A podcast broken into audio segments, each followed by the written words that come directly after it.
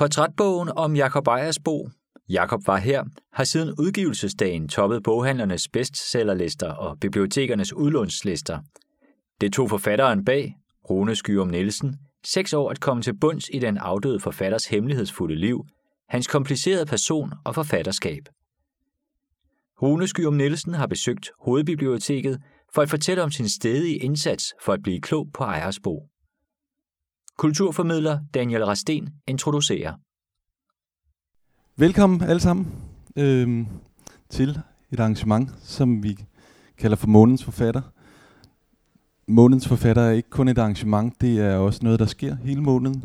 Øh, Månens Forfatter anbefaler øh, andre forfattere, som man kan låne, og som er udstillet her på biblioteket, og man kan læse om det på vores hjemmeside og vores sociale medier. Øh, men det er også et arrangement, og det er et arrangement, øh, der ironisk nok ikke skal handle så meget om forfatteren, selvom forfatteren er med i den grad i, i biografien, som det er. Det skal jo handle om herren heroppe. Jeg vil bare lige sige noget kort om formen, som er, at Rune, som I alle sammen skal klappe af lige om lidt, øh, vil øh, starte med øh, at fortælle om bogen i en god times tid. Og derefter er der øh, frit slag til alle jer, der vil stille spørgsmål. Øh, det er sådan, at vi optager øh, arrangementet, så, det, så lægger det op som podcast på vores hjemmeside bagefter. Så hvis man vil stille spørgsmål, så må man endelig lige huske at række hånden op og tale ind i mikrofonen. Så kan vi få det hele med. Men øh, nu vil jeg ikke sige så forfærdeligt meget mere, andet end byde hjertelig velkommen til Rune Skyrum Nielsen.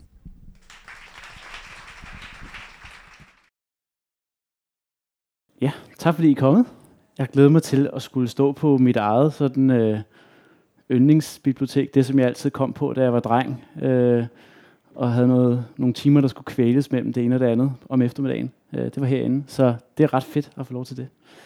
Øh, men det skal ikke handle så meget om mig jo. Det skal faktisk handle om Jakob Ejersbo, stort set og aldeles. Jeg har dog en lille optakt til øh, min fortælling om Jakob Ejersbo, nemlig øh, hvordan jeg overhovedet kom i gang med den her bog, fordi det var øh, lidt usædvanligt. Øh,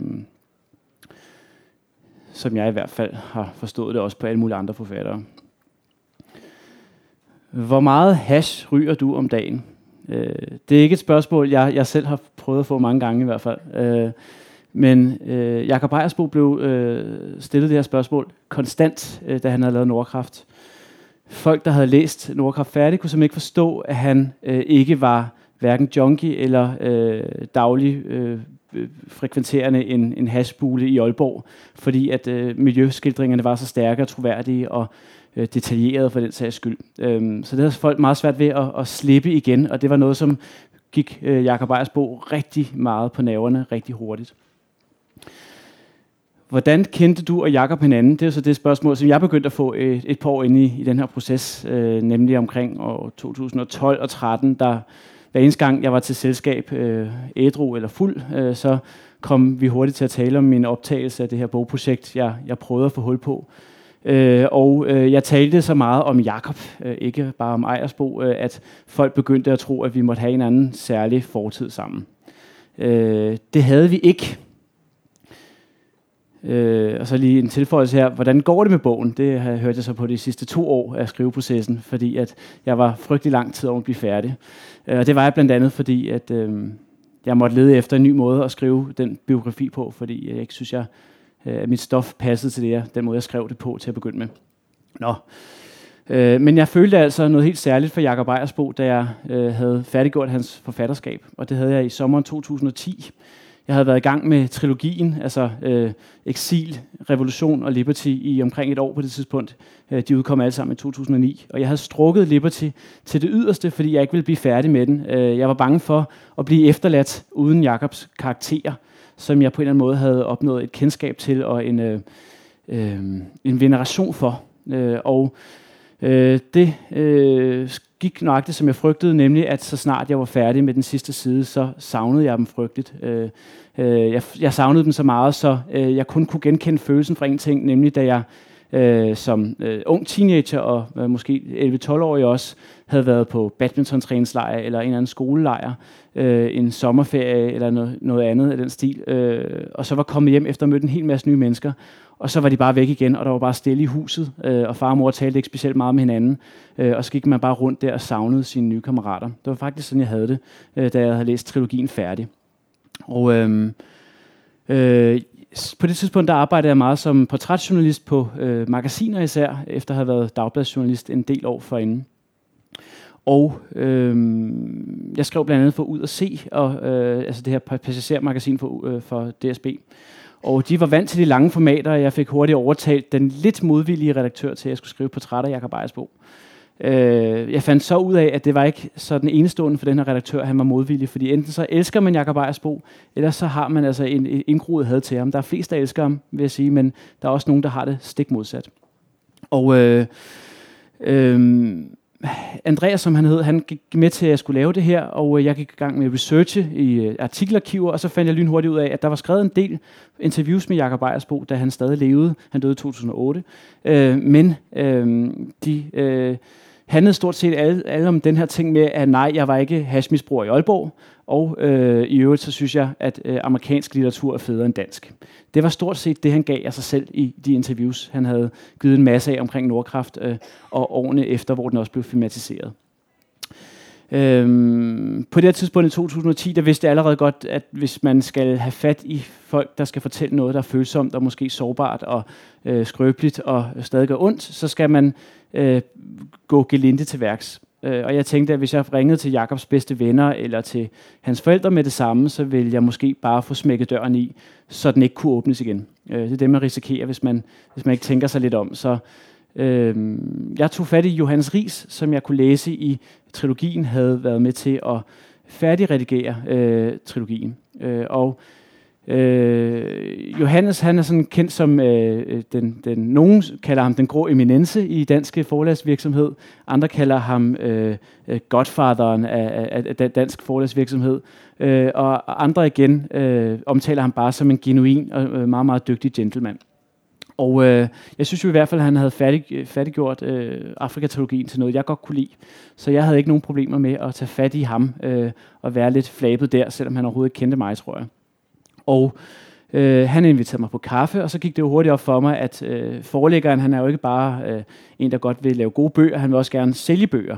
Så selvfølgelig var det også interessant for ham at få noget mere omtale øh, af Jakob Bejers bog, nu hvor Jakob ikke selv var der til at tale om sine bøger. Og han gik med til øh, Johannes, efter at have set mig lidt an, tror jeg, øh, og sende nogle breve ud til Jakobs bedste venner og Jakobs familie, øh, om at øh, de skulle i hvert fald give mig en chance, og så kunne de sige nej tak, når de havde hørt mig tale ud. Og jeg tog først op til øh, forældrene, øh, Ejersbo, Mogens og Hanne, oppe i Stor Restrup, øh, Nibevej 379, lidt uden for Aalborg. Og øh, de var lidt i tvivl om, hvad det var, jeg havde gang i, øh, og gik mig lidt på klingen, og jeg kunne ikke rigtig svare. Jeg kunne bare forklare dem om min fascination af Jakob, og jeg ville godt vil lave noget, noget godt og større om ham. Øhm, og øh, de ville især gerne vide, om jeg var i gang med at lave en, en bog om Jakobs liv, eller om Jakobs forfatterskab. Og jeg kunne altså ikke rigtig svare, øh, så jeg måtte tage hjem igen svar skyldig, men havde dog fået en fornemmelse af, at, at, øh, at, at hans liv ikke havde været helt uinteressant. Øh, det var helt klart. Den næste, jeg talte med, det var øh, Morten Alsinger, Jakobs øh, bedste ven, og ham, han skrev sin første bog sammen med Fuga i 98. Og øh, Morten, han sad i en lånelejlighed på, øh, på Jagtvej på Nørrebro. En lille lejlighed, som han ligesom havde overtaget for, for en stund af, af nogle, nogle folk, der godt ville hjælpe ham lidt, mens han, han ledte øh, efter nye veje i livet. Morten han øh, savnede Jakob rigtig meget. Øh, han øh, havde mistet ikke bare sin bedste ven, altså Jakob, han havde også mistet øh, sin kone, der var gået fra ham efter Jakobs død. Øh, konen Sine øh, viste sig ovenikøbet sig også at være Jakobs bedste veninde. Og Morten havde mistet sin lejlighed, som han havde sammen med Sine og deres to drenge. Så han var lidt på rundt på gulvet. Og øh, så blev det min tur til at være rundt på gulvet, for efter en times tid, så rejser Morten sig op, og så går han hen til øh, bogreolen, og så tager han en sådan metalbeholder ned, øh, ned, sådan en, man kunne købe i Søstrene Grene for en 10 eller en 20. Og så stiller han den på bordet foran os ved siden af kaffen, og så siger han, øh, øh, resten af Jakob ligger der. Øh, altså det forstår jeg ikke noget af. Jeg troede, han lå lige derovre på øh, Assistens Kirkegård. Det gør han også, men kun halvdelen, resten er her. Og så fortæller Morten mig om det her øh, løfte, han afgav til Jakob på Jakobs dødsleje, eller sygeleje i hvert fald, nogle måneder før Jakob døde, om at øh, nu hvor de ikke kunne tage op af Kilimanjaro sammen, som de altid havde drømt om, de skulle derop og øh, øh, ryge sig skæve, havde de forestillet sig, hvilket er ret naivt, skulle jeg sige. Øh, men det havde de forestillet sig, at de skulle, øh, for øh, ligesom at fejre, at når Jakob var færdig med sine Afrika-bøger. Og øh, det kunne Jakob efterhånden godt se, måske ikke blev til noget. Så han sagde til, til Morten, hvis det her det dræber mig, så skal du slippe øh, min aske op øh, øh, og sprede den på toppen. Og øh, det gik hurtigt op for mig, at Jacob jo øh, selvfølgelig måtte have boet i Afrika for at kunne skrive sine bøger, men også at han faktisk havde boet for foden i Kilimanjaro, altså øh, Afrikas højeste bjerg, øh, og øh, øh Afrikas tag kalder man også toppen af Kilimanjaro. Øh, han havde faktisk kunne se derop, øh, når, det var, når der var, når der var sol, øh, øh, skyfrit om morgenen og om aftenen især. Så øh, det, der tænkte jeg jo med det samme, som øh, den gemene journalist jeg også er, at øh, hold da op, der er en god rammefortælling her. Øh, den kan jeg bruge til noget. Øh, så det vil jeg fandme ikke øh, fyre af, undskyld mig, på, øh, på ud at se. Det vil jeg gemme til, hvis Morten kan lide det, jeg laver i ud at se. Øh, fordi så har jeg lige pludselig noget, der virkelig er guf. Så jeg lod være med at fyre det af, øh, og det tror jeg også var godt for min, min og Mortens tillid, øh, i og med, at, øh, at så kunne han se, at jeg ikke bare var ude på sensationen. Øh, for det var jo selvfølgelig en god historie, der nok skulle have fået noget omtale, hvis den var blevet kørt frem allerede der. Ud at se blev til noget. Det blev faktisk til to øh, portrætter i foråret 2011, altså et halvt år efter. Undervejs havde jeg nået at miste min egen far, skal lige siges. Øh, og ligesom jeg kunne mærke, at Jakobs øh, øh, karakterer øh, gennem hele hans forfatterskab stort set havde et svært forhold til, til deres øh, familie, eller til deres forældre især, så øh, havde mit heller ikke altid været lige nemt. Øh, og derfor så, øh, øh, ja, så havde det også taget mig noget tid at blive færdig med det her, øh, øh, de her to stykker til ud at se. Øh, men det kommer altså i to dele, øh, og den anden del, som I kan se her, den hed faktisk Jakob var her. Og det hed den, fordi at det var noget, Jakob skrev på en kridtavle en gang til den øh, ene eller halvanden kæreste, han nåede at have i, i sit liv. Ja. Jeg fik ret mange læsereaktioner, det gjorde Gyldendal også, og det gjorde ud at se også. Øh, det viste sig lige pludselig, at jeg ikke var den eneste, der havde siddet og følt det her savn. Der var rigtig, rigtig mange, der havde tænkt over, hvem pokker Jakob Ejersbo var øh, og hvad det var, der gjorde i hans forfatterskab, hans måde at levere sine figurer på, der gjorde, at man blev meget, meget, øh, man følte sig knyttet til dem, og man blev øh, mystificeret af, øh, hvordan han var i stand til at gøre det, som han var i stand til at gøre. Øh, det gik som, øh, det her, de her øh, øh magasiner, de spredte sig ikke kun øh, altså det, det gav mig ikke kun gode reaktioner, det gav mig også en mulighed for at få flere kilder i tale. Og så skete det virkelig mærkelige, at øh, hver eneste gang jeg talte med en ny kilde, så var det ikke den samme historie, som da jeg havde snakket med øh, forældrene, eller med Morten, eller med den anden, eller den tredje, eller den fjerde, eller den femte ven. Jeg fik faktisk en ny historie, et, et nyt blik på Jakob hver eneste gang.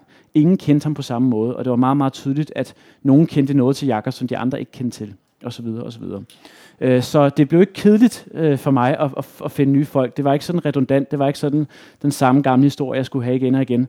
Det var rent faktisk øh, en ny historie stort set hver gang. Selvfølgelig med, med enkelte overlap, hister her. Øh, så Jakob viste sig altså at være en meget, meget mangesidig person, men også en hemmelighedsfuld øh, person, udover øh, hvor, hvor nær han var over for pressen.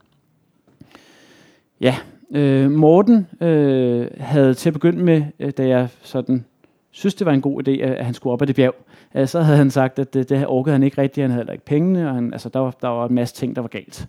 Og han begyndte at finde lidt på undskyldninger, og måske en dag foreslog han, at øh, vi kunne bare gå op på Lim, Limfjordsbroen i Aalborg og sprede asken i stedet for. Og det var sådan lidt, altså finde andre udveje.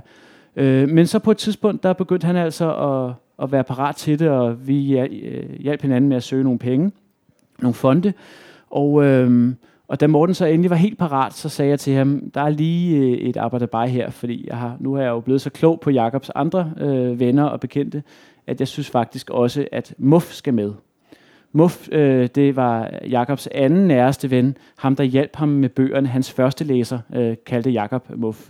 Og øh, Muff og Morten, øh, de havde øh, ikke noget øh, godt forhold til hinanden længere det var blevet ødelagt efter Jakobs død, hvor der var en hel masse følelser i, i klemme øh, af den ene og den anden slags. Øh, og de var uenige om, hvordan man skulle tale om forfatterskabet til pressen, og til øh, altså hvor meget opmærksomhed man måtte ligesom tage på Jakobs øh, øh, bekostning, eller øh, tage hans ære, om man så må sige.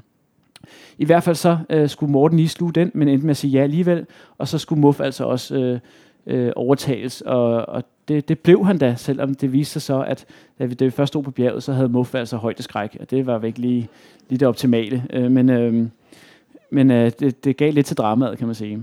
Øh, jeg vidste selvfølgelig også godt, at, at der var mere end en bog i den tur op ad Kilimanjaro, som, som jeg var ved at få strikket sammen, fordi øh, der ville være nogle flotte billeder i det, og hvis jeg kiksede med min bog, hvis ikke den, den øh, kom ud til nogen som helst, øh, eller bare var simpelthen dårlig, øh, så øh, ville det være synd, at, at den tur gik til spil. Øh, især fordi jeg jo havde fundet ud af allerede i min research, at Jakob var meget publikumsliderlig, for at bruge lidt groft udtryk for det, men han, han ville gerne have mange læsere. Han var ikke interesseret i at skrive til en lukket kreds, som dele af dansk litteratur måske var præget af i den periode, hvor han kom frem.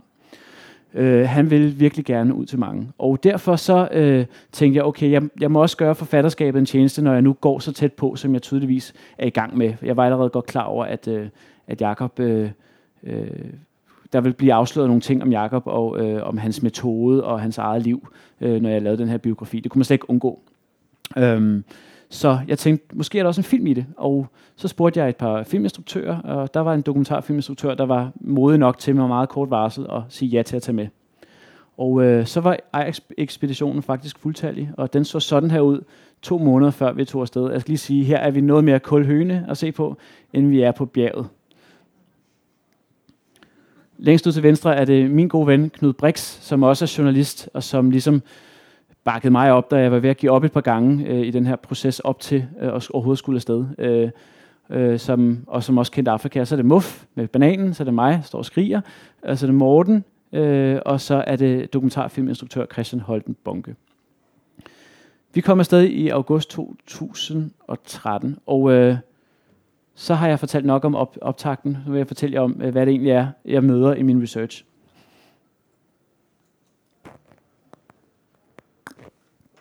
Kunne I høre den? Ja. Øhm, først og fremmest så blev jeg jo klar over, at øh, familien Ejersbo var usædvanligt flyttelystige. Øh, de øh, flyttede både før Jakob kom til verden i 1968 afskillige gange, øh, og efter han kom til verden nåede de at flytte 5-6 gange, inden de øh, til sidst fandt ud af, at de skulle til Afrika øh, i 74, altså da Jakob var øh, 6 år gammel. Øhm, de nåede øh, at være i, på Sydsjælland, så nåede de at være i Østjylland, så nåede de at komme tilbage til Sydsjælland, øh, så nåede de øh, Albertslund, så nåede de Nørrebro. Jeg kunne blive ved. Der var virkelig, virkelig mange øh, mellemstop på vejen, inden de altså fandt den her øh, annonce for Danida, der søgte regnskabsfolk til øh, nogle projekter nede i Tanzania i Østafrika. Og øh, noget af det andet, jeg blev klar over med Jakob, det var, at øh, han startede med at være øh, sådan en, der gik øh, i træsko med folk, som det hedder. Øh, han var meget øh, udadvendt, meget charmerende, meget køn af sin, øh, øh, en, en, en lille lyshåret dan, dansk dreng at være. Så var han øh, sådan en, der altså, virkelig charmede alt og alle. Og så var han øh, øh, åben i forhold, øh, også i forhold til sin store søster Ea, der var to og et halvt år ældre end ham. Hun var altså født i 65, mens Jakob var født i 68. Og øh, jeg fandt også ud af, at øh, det her med at være øh, øh, gå ind i træ, folk med træsko på, det ændrede sig, efter han kom hjem fra øh, Afrika den første gang. Så blev han mere forsigtig, øh, og øh, så gik han faktisk begyndt at gå på listefødder, og blev i stedet for en jagttager, der, var, øh, der blev mere og mere specialiseret sig i at suge til sig, og kigge på andre folk, hvad de gjorde, hvordan de havde det med hinanden. Øh, altså en stor øh, indlever, en stor empat, kan man sige. Øh, endelig så øh, bemærker jeg selvfølgelig også, at der var en stigende rodløshed i alt, hvad han foretog sig, og øh, øh, fra, altså helt, helt tilbage fra, han var 8-9 år gammel. Det her det er et af de første billeder, øh, som også er med i bogen, og det er, da de er ankommet, familien Ejersbo, til øh, Moshi, øh, nær Kilimanjaro i øh, 76. Det er noget slået, det er 74. Jakob er 6 år gammel. Øh, og Ea står ud til venstre. Hun er altså 9 år gammel på det tidspunkt. Og øh, det er nogle, nogle nye legekammerater, de har fået der. Og det er selvfølgelig meget anderledes, end hvad man ellers øh, øh, oplever som, som dansk barn øh, i midten af 70'erne. Det siger sig selv. I 77 der har øh, familien Arsbo været hjemme i et år øh, fra, øh, fra deres første ophold i Afrika. Øh, Jakob er altså øh, knap og nap 9 år gammel. Øh, men hvor er de henne? De er ikke på hverken i Østjylland eller Sydsjælland eller København. De er nu i Nordjylland. Øh, for det var der, hvor faren kunne få arbejde, da han ikke gad Danita mere nede i Østafrika. Så de er kommet til Store Restrup, øh, lidt uden for, øh, for Aalborg, og det er faktisk i familien Ejersbos baghave, de står. Familien Ejersbo havde sådan en, en magnetisk kraft på alle børn i, i området. Øh, de kom alle sammen altid hen og spiste af de der hvide nødder, som smagte af slik, som så var cashewnødder øh, i familien Ejersbos øh, baghave, som de havde med hjem fra, fra Afrika. Øh, og øh, de var mægtig gode til at lade børn gøre, som børn havde lyst til at gøre. Øh, modsat øh, de andre hus på vejen, hvor der var kæft, trit og retning. Så det var altså ret spændende for andre børn at være øh, hos familien Ejersbo i nummer 379. Og det er Jakob Øvrigt, der står der som murmester øh, med, med lidt overskæg. Øh, og det er jo selvfølgelig lidt misvisende, fordi at alle børn omkring Jakob og Ea, de synes bare, at det måtte være det fedeste at være børn i familien Ejersbo. Men selv så misundte de måske nok øh, rigtig mange af de andre børn, der havde rammer, øh, og virkelig nogen, der så efter dem øh, lidt mere. Øh, Jakob og Ea blev helt sikkert opdraget efter det, man kan kalde for laissez-faire-princippet, der var meget fremherskende i 70'erne. Meget mere end nu i hvert fald. Hvor man måske er overopmærksom på sine børn. Det kan diskuteres. Øh, før vi når flipperfamilien, så tror jeg faktisk, jeg vil læse op for første gang, for så kan jeg også vise jer, hvordan jeg havnede med at lave min bog. Øh, den øh, endte med at blive sådan en slags mosaik, hvor øh, skiftende fortællere øh, supplerer til læserens øh, helhedsindtryk af Jakob. Det vil sige, at øh, læseren bliver hurtigt lidt klogere, end fortælleren er. Øh, nej, slutter, ja, end de respektive fortællere er, fordi øh, fortælleren ser jo kun Jakob i en blind vinkel, mens vi får de andres blinde vinkler med os. Og det første, jeg vil læse op, det er Ea, der er kommet hjem øh, til øh, Nordjylland, eller kommet til Nordjylland, det er bestemt ikke hjem for hende, i øh, november 1976. Og hun er altså så 11 år på det tidspunkt. På Kilimanjaro havde Jakob frosset. Nu var det Eas tur. Hun rystede, selv når varmeapparaterne bankede derudad i nummer 379. Huset så ret så specielt ud. En gang for længe siden havde det været rødkalket, men farven var falmet til en bleg lyserød. Ea var vild med det elgamle brændekomfur, men det var også lidt af et skrubbel, og Hanne ville have det væk. De brune trægulve var så rådne, at man risikerede at træde igennem dem. Nedenunder var der jord og intet andet. På mange måder var det nemmere for Jakob at være kommet til Nordjylland. Han ville vide alt om alle, og vendede sig hurtigt til Frejlev og Stor Restrup. For Ea var det skidesvært. Der var ingen farver i noget som helst, og alt lugtede af koldt vand. Helt færst. Det blæste fra Limfjorden, og det færreste på egnen havde været i København eller krydset en landegrænse. Hun følte sig fremmed, men det var der ingen, der kunne forstå, for hun var så pæredansk at se på. Jo mere hun lærte den nye skole at kende, jo mere længtes hun tilbage til ISM. De andre elever opdagede, at de talte sjællandsk, og måtte komme over fra Djævleøen. Og snart spredte det sig også, at familien havde boet i Afrika. Var du ikke bange for at være dernede? spurgte folk. De var fremmede fugle. Et par, et par papegøjer i en hønsegård. Sådan føles det. Et besøg i brusen i Frejlev var et besøg i et andet univers. Hvad skulle folk bruge så mange slags tandpasta til? Og slikhylderne, det var overvældende. Når man var vant til to slags bolcher, de gule og de grønne, der smagte nøjagtigt ens. Jakob brugte ikke sin lommepenge, men nogle gange efter lukketid klemte han det meste af en arm op i cigaretautomaten og trak prinspakker ud. Ea så på og rullede med øjnene, når han fyldte vat i tændstikæskerne, så de ikke raslede i bukselommen. Men hun sladrede ikke. De sladrede ikke om hinanden. Så de to søstre her, de har altså hinanden, de passer på hinanden, men føler sig rimelig fremmed over for det hele. Og I kan allerede mærke, at Jakob han er den observerende, eller han bliver den observerende, som jeg allerede har afsløret. Og Ea, øh, hun er jo altså mere den sansende. Øh, Øh, hun sanser alt i farver, hvis hun kan komme til det. Øh, og hun endte også med at være en rigtig dygtig tegner. Det er hun stadigvæk. Øh, det var den her. Jeg viser lige et billede mere. Der er Jakob så blevet 10 år, og der står han foran den gule Lada i indkørslen til Nibevej 379 i Stor Restrup. Og det er så Mogens, jeg også lige vil læse op af, altså Jakobs far. September 77 er det her. Det er så lidt før det der billede. I danstimerne byttede Jakob rundt på højre og venstre, og Ea var ikke til at slå et ord af. De ledte efter gode forklaringer. Måske havde deres nordjyske entré larmet mere end godt var. Ungerne stak ud, når Mogens afleverede dem i den påskule lader, for, for sovjetiske biler var sjældne dyr på egnen. Hannes flagrende gevanter og alle de raslende træsmykker var heller ikke hverdagskost. Jakob gemte sig mindre end Ea, men det var slut med at gå i folk med træsko på. Det var det sgu. De havde ellers købt ham et par træskostøvler. Det var en praktisk og billig løsning. Ingen af de andre børn går med den slags. Det er kun mig og Ea, råbte han. Hanne mente, at de blev udsat for mobning og opfordrede lærerne til at skride ind. Mogens foretræk at se tingene an. For Jakob havde trods alt fået sig et par venner. Claus, der boede ude i Leharparken, Tom fra Svendstrup og Ulrik, der fik ørefiner af herr Østergaard. En aften omkring spisebordet fortalte Jakob om en situation foran klasselokalet, om hvordan han havde passet sadisten op. Hvis du niver Ulrik en gang til, så går jeg ned til inspektøren og siger det hele. Mogens kom til at smile.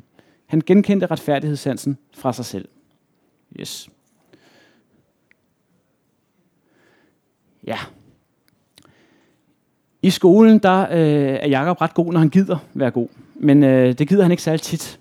Øh, og et af problemerne for ham, det er selvfølgelig de her læger, der ikke har fattet en bjælle af noget som helst. Øh, det er meget tydeligt det her med, som jeg også sagde før, at han godt vil sælge mange bøger senere hen. Det vil han allerede, da han skriver stile.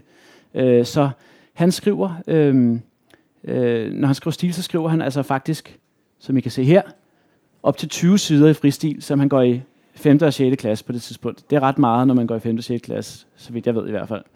Øhm, når han så får den her respons, som han gør, altså fire ord, øh, fem ord, øh, der, hvor der, der står hernede med rødt til sidst fra dansk læreren, velfortalt, men lovlig mange fejl, så er det ikke godt for motivationen, hvis man gerne vil se sig bekræftes. Og det vil Jakob. Så han øh, stopper ret hurtigt øh, med at øh, gide at skrive dansk stil. Øh, I hvert fald, mens han har den her dansk lærerinde. Øh, I stedet for, så sørger han for, at, øh, at, at, at de øh, læser brevene, øh, øh, han sender til sin søster, mens hun går på efterskole. Hun kommer på efterskole, mens Jakob endnu, går, øh, endnu bor øh, i Nordjylland. Øh, der kommer søsteren øh, på efterskole, og Jakob begynder at skrive breve til hende, fordi han er faktisk alene med sin søster lige pludselig, eller med sin mor, slutter. Faren han er flyttet tilbage til Afrika for at arbejde for Danita igen. Øhm, og øhm, så skriver han altså breve, og øh, det her det er et af dem.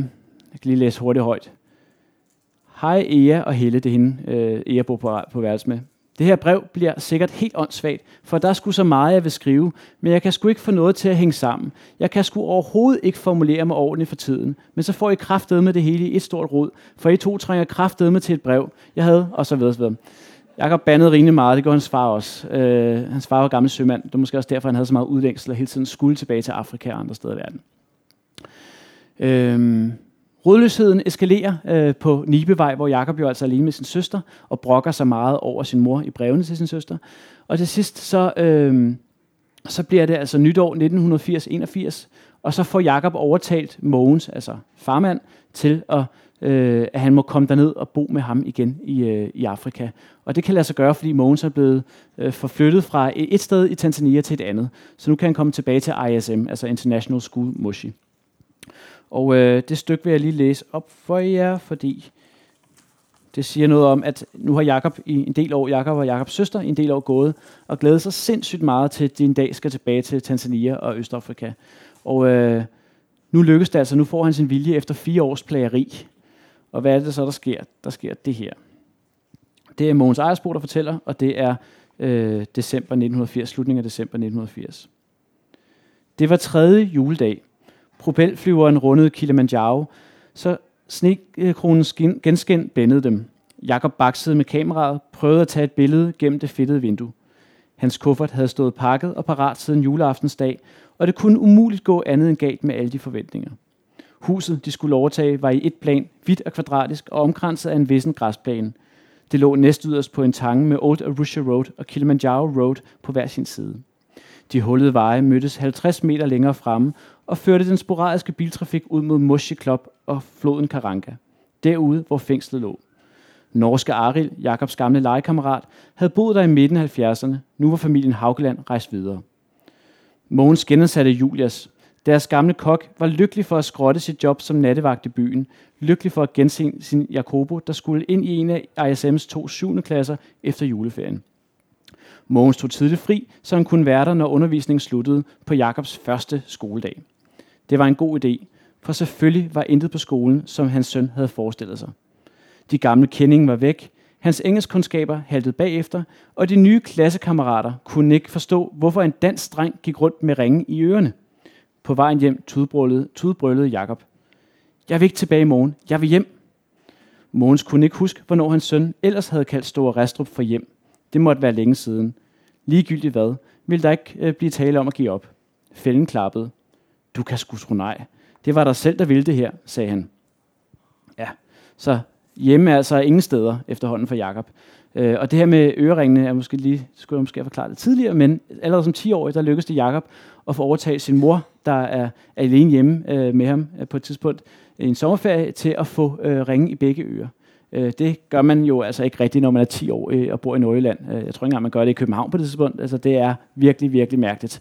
Øh, og Jakob gør det jo kun fordi, at øh, det har de afrikanske børn nede i Afrika, og han har jo en plan om, at han skal ned og være som dem øh, så snart som muligt. Så derfor så er det altså, at Jacob han har ringe i ørerne, da han kommer tilbage øh, til ISM, og der er jo altså ikke andre børn på ISM, der har ringe i ørerne. Ja, så er der det her, der har stået over øh, mit PowerPoint indtil videre, Third Culture Kids. Og hvad er det? Jamen det er et begreb, som blev opfundet eller formuleret i 1950'erne af nogle amerikanske antropologer. Øh, og de begyndte at undersøge de her øh, antropologer, hvorfor det var, at, øh, at øh, eller hvordan amerikanske børn havde det, når de var udstationeret med deres forældre på NATO-baser i øh, Europa og i Asien især. Øh, og de fandt hurtigt ud af, at øh, de følte sig hverken hjemme i deres første kultur, altså når de så kom tilbage til USA, eller i deres anden kultur, det kunne være Tyskland eller det kunne være Korea. Øhm, de følte sig kun hjemme, når de var sammen med andre børn, der var lige så rodløse som dem selv. Det var de eneste, der forstod dem. Det var der, hvor de kunne slå rødder, øh, føle sig i et fællesskab. Og øh, der er jo ikke nogen tvivl om, at, øh, at, at Ea og Jakob øh, på den måde, de reagerer, og aldrig nogensinde føler sig hjemme noget sted, og der slet ikke øh, i Nordjylland, øh, de er blevet til third culture kids. De passer simpelthen nøjagtigt på den beskrivelse. Og øh, jeg vil også godt lige vise jer, hvor langt Jakob egentlig var i sin breve, allerede som 13-årig, øh, med selv at, at mærke, at der var noget galt. Øh, det her det er slutningen af et brev, han skriver til Ea, efter han er kommet tilbage til Afrika, og, øh, og, og, og har det øh, ret svært stadigvæk øh, med den nye klasse, han er kommet ind i, hvor han jo ikke kan genkende nogen. Det er Ea, der fortæller. Til sidst stod der noget, der fik hende til at savne sin lillebror. Hun forstod ham alt for godt. Så kommer der et stykke fra Jakobs brev. Jeg føler mig ligesom John Lennon følte sig, da han skrev sangen Help. Sådan føler jeg mig, når jeg tænker på Danmark. Han var under narko- og drukpres. Jeg er under det pres, at jeg skal indfinde mig under et helt nyt miljø. Alle jer, der læser dette brev, hvis I ikke skal flytte, så glæd jeg over det. Det er kraftedet perk med hårdt at skifte miljø. Det er en 13-årig dreng, der skriver det der. Så han ved godt, at der er et andet, der ikke spiller, selvfølgelig. Ja, det bliver jo ikke ved med at være øh, en, en ren ynk at, at skulle være i, i, i Moshi, fordi det, der var jo også ting, der var gode i første omgang, og selvfølgelig bliver det også det anden gang. En af de gode ting, det er jo, Ea gør ham selskab, skal lige siges. Øh, efter et halvt år i Afrika, der kommer Ea ned og er færdig med sin efterskole. Og øh, øh, en, af de, en af de mennesker, som, som gør det lidt sjovere at være dernede, det er den lokale dreng, Ali. Og Ali, han er lidt ældre end Jakob. Jeg tror, den er så rigtigt nu. Kan I høre mig? Ja. Godt. Øh, Ali, han, øh, han arbejder sådan lidt på må og få. Han har været opvokset i Serengeti, øh, øh, Safari Park øh, eller Naturpark, øh, det vild, reservat. Han har øh, boet hos en tysk familie, og han har endt hos en svensk familie, øh, hvor han sådan lidt er en slags husdreng, der babysitter og gør alt muligt andet for familien, for, øh, for at have tag over hovedet og øh, nogle, øh, noget skolefinansiering. Altså de betaler også for hans skolegang på den lokale skole. Og øh, nu skal I møde Ali, når han fortæller. Det var jo ret vigtigt for mig, at jeg fandt Ali, som heldigvis stadig lever, men ikke har det alt for godt i dag, skulle jeg så sige.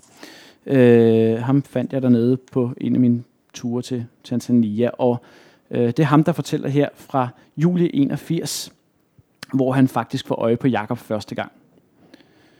Church Road, Moshi, juli 81. Ali fulgte med fra svenskernes tjenerbolig, overvågede den danske dreng og hans piberygende far, der var kommet på besøg for at prøve svedehytten. En dag faldt de i snak, og selvom Jakob, Jakob ja, undskyld, og selvom Jakobo var fem år yngre og 10 cm lavere, og Ali var fra Shaka-stammen, så passede de sammen. Jakobo var meget klog på verden, og hans blik var skarpt som en rovfugls. Han kunne gennemskue, om de voksne havde det godt med hinanden, eller om noget var kommet i klemme imellem dem. Til gengæld for skolepenge og tag over hovedet, kiggede Ali efter svenskernes to små døtre og deres storebror. Hans sprogkundskaber kom hele tiden europæerne til gode. Når nogen havde brug for en samtale på Swahili, sendte de ham afsted for at oversætte. Han drømte mange drømme om Sverige, landet hvor han kunne tage sig en uddannelse. Uddannelse var trappen mod livets succes, så meget vidste han allerede. De forstod hinanden gennem musikken. Jacobo havde kassettebånd med fra Danmark, mange af dem. Pink Floyd, Kiss og Beatles. Andre gange spillede han Bob Dylan, en hvid lyd, som Mr. Ejersbo foretræk. Ali kunne også lide Bob. Ikke Dylan, men Marley. Han kaldte reggae for Bob Music, og havde udsmykket sine vægge med hjemlavede plakater af det etiopiske flag. Hans nye Mzungu var med på de vugne rytmer og klagende fortællinger. Eddie Grants Electric Avenue og Big Youth, Marcus Garvey Dredd blev favoritter, og Ali fortalte om Rastafari-kulturen og Etiopiens tidligere kejser. Haile Selassie var blevet som en gud for jamaikanerne. En dag, hvor de var alene, lånte de svedehytten. Jakobo var stadig ikke begejstret. De skøre, de svenskere, sagde han. Ali var ikke enig. Han så den varme installation som et stykke civilisation. Noget, der holdt sygdommene væk i et land med masser af sygdom. Så der kom Ali på banen. Ja, i 83, meget mod Eas og Jakobs vilje, surprise, surprise, så vil forældrene Ejers bo tilbage til Nordjylland igen. Øh, og Jakob han øh, må straks væk fra sine forældre, øh, så han søger øh, på en, til en efterskole, hvor det går rimelig galt, rimelig hurtigt. Øh, for det første har han ikke rigtig fået sat sig ind i på forhånd, eller også er hans forældre, der ikke har det, øh, hersker der uenighed om her postumt. Øh, øh, har de ikke sat sig ind i, hvad det er for en efterskole, Jakob skal ned på. Det viser sig at være en øh, gymnastik- og sports efterskole, øh, hvor øh, det er obligatorisk at skulle optræde i spandekstrakter og den synkron gymnastikdans. Øh, Jakob, som har fået meget frie rammer i sin opvækst, og øh, ikke bryder sig om, at nogen fortæller ham noget som helst om, hvordan han skal gøre noget som helst. Øh, han er ikke glad. Lad os bare sige det sådan. Han er heller ikke glad for, at han ikke må ryge, hvor han vil for han ryger som en skorsten, øh, og det har han jo ikke gjort lige siden han var 6 år gammel i øh, Tanzania. Øhm, ja, han er altså øh, temmelig alene i verden, og det øh, mærkes også øh, i, i den måde, som han sådan opsøger folk på, som han egentlig ikke har noget til fælles med, og øh, i hvert fald har en meget lille referenceramme med. Øh, I virkeligheden så går han jo nok og drømmer om en fremtid i Afrika, altså at skulle tilbage igen igen, øh, og den her gang så øh, måske også med en romantisk relation, eller i hvert fald en meget stærk venskabsrelation til den britiske pige, der hedder Terry. Hende, som han hang øh, ud med på værelset i øh, Moshi, øh, da han sidst var i Afrika. Det gjorde han blandt andet her, hvor de sidder på Jakobs drengeværelse, og jeg ved ikke, om I kan se det, men der bliver både drukket øl og røget cigaretter. Og det er Jakobs far, der har taget billedet. Øhm, mit bud er, at han er, han er 13 eller 14 der. Øh, han er i hvert fald ikke mere. Ja, yeah. det er Terje. Som I kan se, så har hun øh, rimelig meget attitude. Det bliver mig i hvert fald, hun har der. Og jeg vil sige, den Terje, som jeg senere øh, lærer at kende selv via en masse research, hun havde også masser af attitude. Ja, 1984, der er Jakob tilbage, altså efter et, øh, et år på efterskole, der er Jakob tilbage i øh, Stor Restrup, og øh, hans forældre overtaler ham til at tage en uddannelse. Det var ligesom øh, det, som, det eneste krav, de nærmest nogensinde har haft til ham, som man virkelig skulle, det var at tage en uddannelse. Så Jakob øh, begynder på øh, skolen, katedralskolen inde i Aarhus, den gamle fine øh, skole, gymnasieskole, og øh, han holder i nøjagtigt to lektioner øh, så synes han, de andre er for useriøse øh, til, at han gider være der, og så dropper han ud igen. Det bliver selvfølgelig ret udholdeligt for Jakob at være hjemme efter det, fordi det er ligesom det eneste, hans far taler om. Øh, og øh, Jakob han søger så øh, øh simpelthen asyl nærmest nede hos øh, sin fars søster, øh, som heller end gerne vil, vil, vil, vil, vil hjælpe sin, sin, øh, sin nevø, og i øvrigt også solidarisere med ham i forhold til, til sin far, øh, til, til, til sin bror og storebror. Øh, Jakob øh, han øh, kommer over tilbage igen, og så er der øh, endelig nyt om Terje, som han skriver mange breve til, og nogle gange så får han også svar. Og det er Hanne, der fortæller om, da Jakob får svar fra, eller hører fra, hører fra om Terje i hvert fald. Ikke? Øh, det kommer her. Juni 1985. Jakob var flyttet hjem og havde udviklet sine små ritualer. Et par gange om ugen spankulerede han for eksempel ned ad Nibevej for at poste breve. Han var vedholdende. Det måtte man give ham. Også selvom der sjældent kom noget tilbage. Hanne hørte i hvert fald ikke om det, medmindre det var Ali, der bad sin danske familie om et lån. Jakob håbede vel på lyd fra Terje i Dar es Salaam. Det var planen, at han skulle besøge hende, når han havde sparet nogle penge sammen. Da der endelig var nyt fra den kant, var det værre, end man kunne forestille sig. Terje var død, 17 eller 18 år gammel. Han bræste i gråd, mens han læste brevet, styrtede op ad trappen til første sal og smækkede døren til sit værelse. Han og Mogens sad handlingslammet tilbage i det åbne køkken, vidste ikke, hvad de skulle stille op. Kort tid efter malede han sin væg sorte. Det virkede som en bedre og bedre idé at lade ham flytte over i annexet. Ja.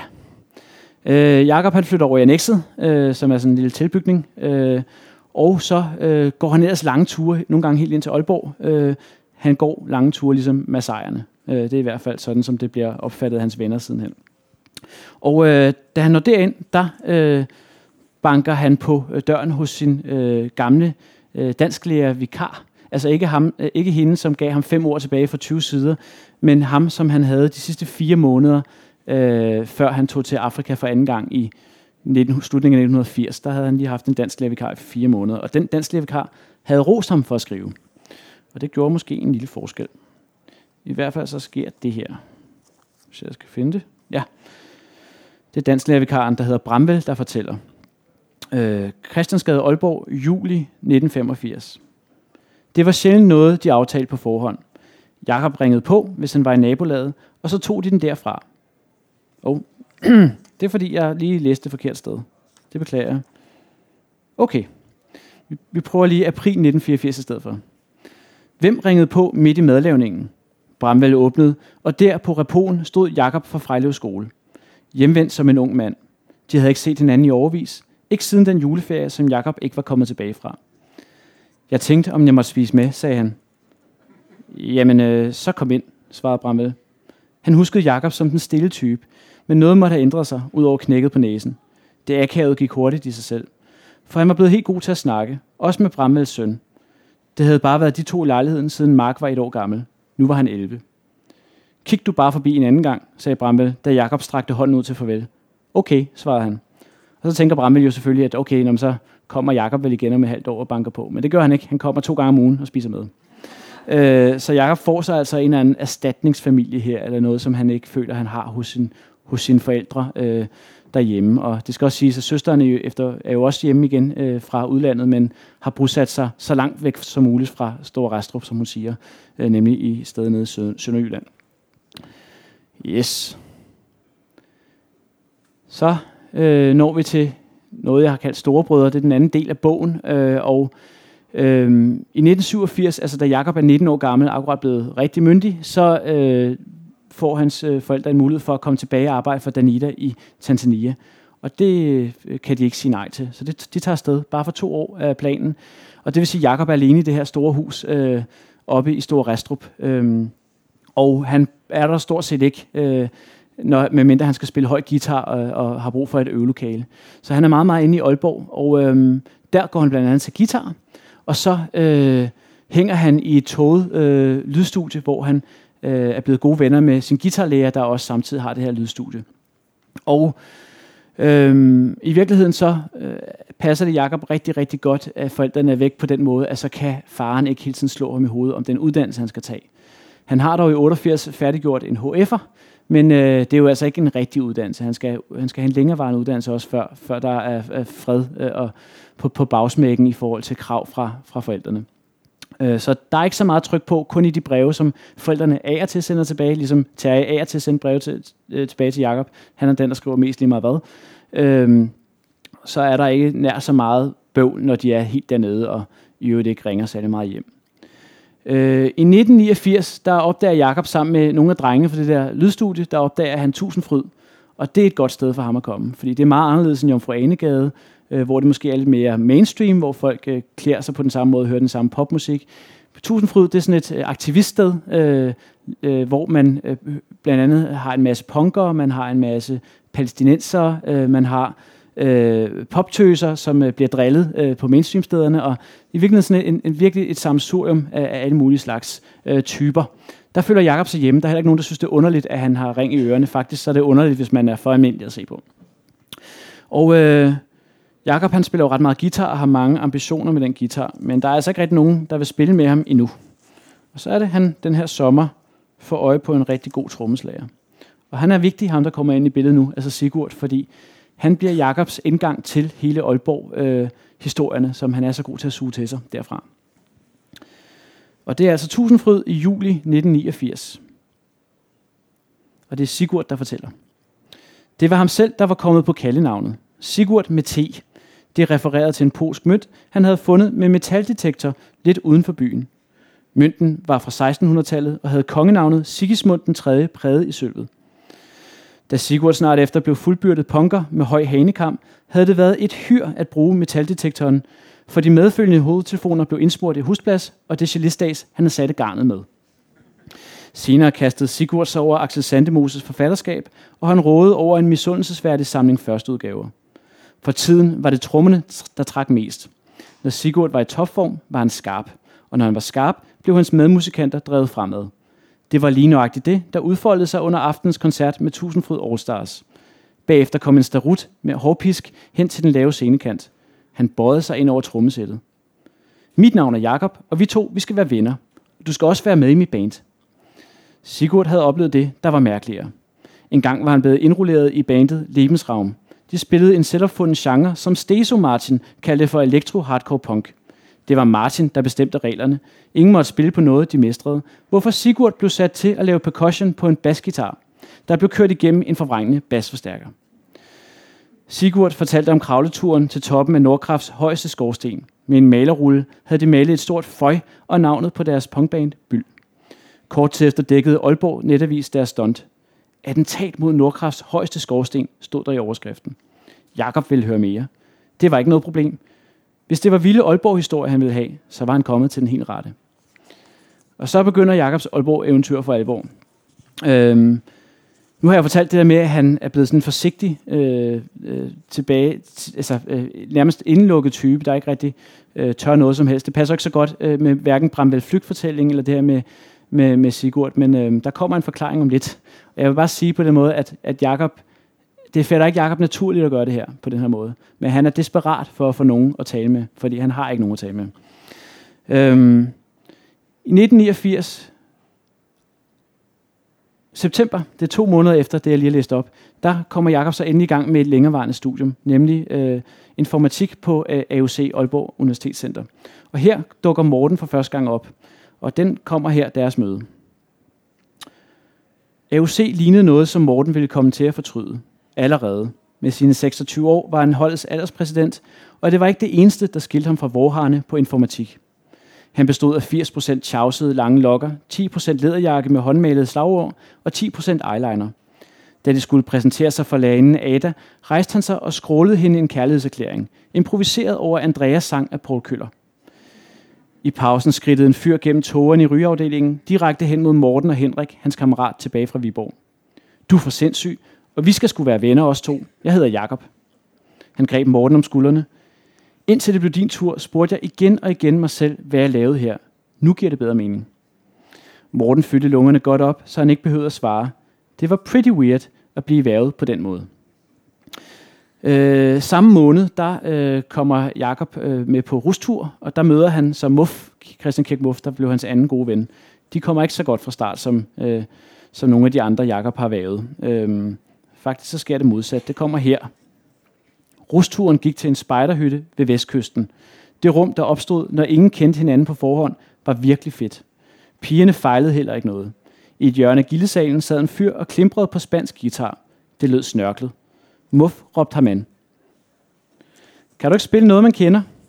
Fyren kiggede op, kiggede ned igen, ventede på, at Muff kom helt tæt på. Kiggede af op.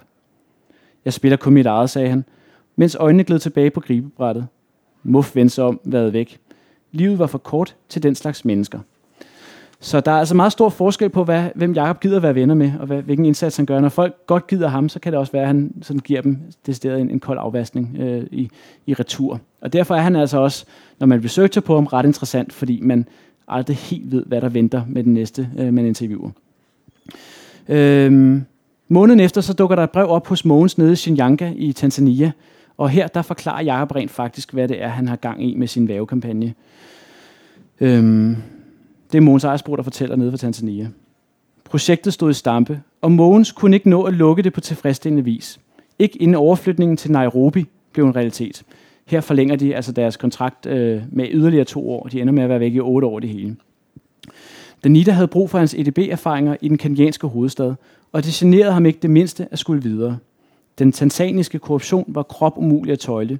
Endnu værre end i 1976, endnu værre end i 1983. Hjemme i Nordjylland var der en slags nyt om Jakobs studiestart. Det er pisse svært, skrev han, at få et indtryk af, hvad den skide uddannelse kan bruges til. Det virker ekstremt diffus, når de ældre studerende skal fortælle en noget om det. Det var lige den melding, Mogens havde frygtet. I det mindste gik det fremad med alt det sociale. Hvis det kom på plads, fulgte det faglige måske trop. Man havde lov at håbe. Jeg er efter opbud af alt mit går på mod, skrev han, kommet i selskab med Aalborgs bedste nyrock trommeslager, Sigurd. På bas har vi en fyr, der hedder Morten, som Sigurd kender fra tidligere. Han er lige flyttet hertil fra Viborg, hvor han havde et par jobs med Sigurds tidligere band. Han er lige begyndt på øh, AUC, hvor jeg mødte ham, for, før jeg vidste, at det var ham, der skulle svinge bassen. Han er ikke smadret god, men han, har, men han har entusiasmen og lysten til at lære, husker godt, er stabil og en flink fyr. Jeg glemte at skrive, at Sigurd er arbejdsløs. Han kan være ret vild, men for det meste er han stille og rolig, meget funderende, en stor romanfreak og også meget fin fyr. Så her, der har Jacob altså mødt sin rigtige familie, sin, øh, sin ikke sin biologiske familie, men helt sikkert dem, som han føler sig hjemme sammen med. Og det bliver ved i lang tid frem. Øh, her har vi Jakob og Sigurd. Det er Jakob, der står, og Sigurd, der sidder på, på huk, huk på øh, træstammen, og de er, er i Jakobs forældres have og fælder træer øh, i Stor Restrup. Og det er en gave til forældrene, til faren, der fylder lad os se, 60 år øh, i den periode, og øh, er hjemme på sommerferie. Og det, når de fjerder de her træer, så kan forældrene sidde i baghaven og få deres sundowner med lidt sol øh, på sig. Øh, lidt ligesom man gør nede i Afrika. Så det er sådan set det gaven går ud på. Og den blev de rigtig glade for, skal lige sige. Yes. Det havde vi lige. Øhm, I den her periode, hvor forældrene så er i Afrika, 87-95, der skriver Jacob rigtig mange lange breve. Øh, og øh, i de breve, der beskriver han blandt andet sit martyrium på, øh, øh, på, på DRH, hvor han er kommet ind, efter det ikke gik på AUC, hverken i 1989 eller 1990. Der er han altså droppet ud begge gange. I stedet for at han kom ind på Journalisthøjskolen i 91, og øh, han finder hurtigt ud af, at det kan han slet ikke holde ud. Han synes, at øh, journaliststuderende er nogle frygtelig overfladiske nogen, der bare handler om at blive set hele tiden, øh, og i virkeligheden ikke interesserer sig for materien og perspektivet. Så han brokker sig meget i sin brev. Jakob er rimelig udholdt i den periode, tror jeg. Der er mange, der, der vil skrive under på, også hans venner. Øh, han, føler sig, han føler sig ikke særlig godt tilpas, det er helt sikkert. Og han føler sig ikke særlig godt tilpas i Aarhus, fordi han jo lige var blevet glad for at bo inde i Aalborg med sine nye venner. Ja, han bliver færdig i 95, og der er det allerede tydeligt i den brevskrivning, han er begyndt på med Morten især øh, de sidste par år, inden Jakob er kommet tilbage til, til København, at øh, øh, i den brevskrivning, der er det ret tydeligt, at Jakob han har et eller andet for øje. Han har ikke tænkt sig at øh, spille sine gode journalistiske historier på sine kolleger, der sidder ellers tørster efter dem på blandt andet Nordjyllands Radio, hvor han er i øh, et vikariat lige efter han er blevet færdiguddannet. Jeg vil lige læse en sekvens op, som Jakob forklarer til Morten i et brev, øh, hvor øh, han er til redaktionsmøde på Nordjyllands Radio. Og det er i sommeren 95. Og det er Jakob der skriver.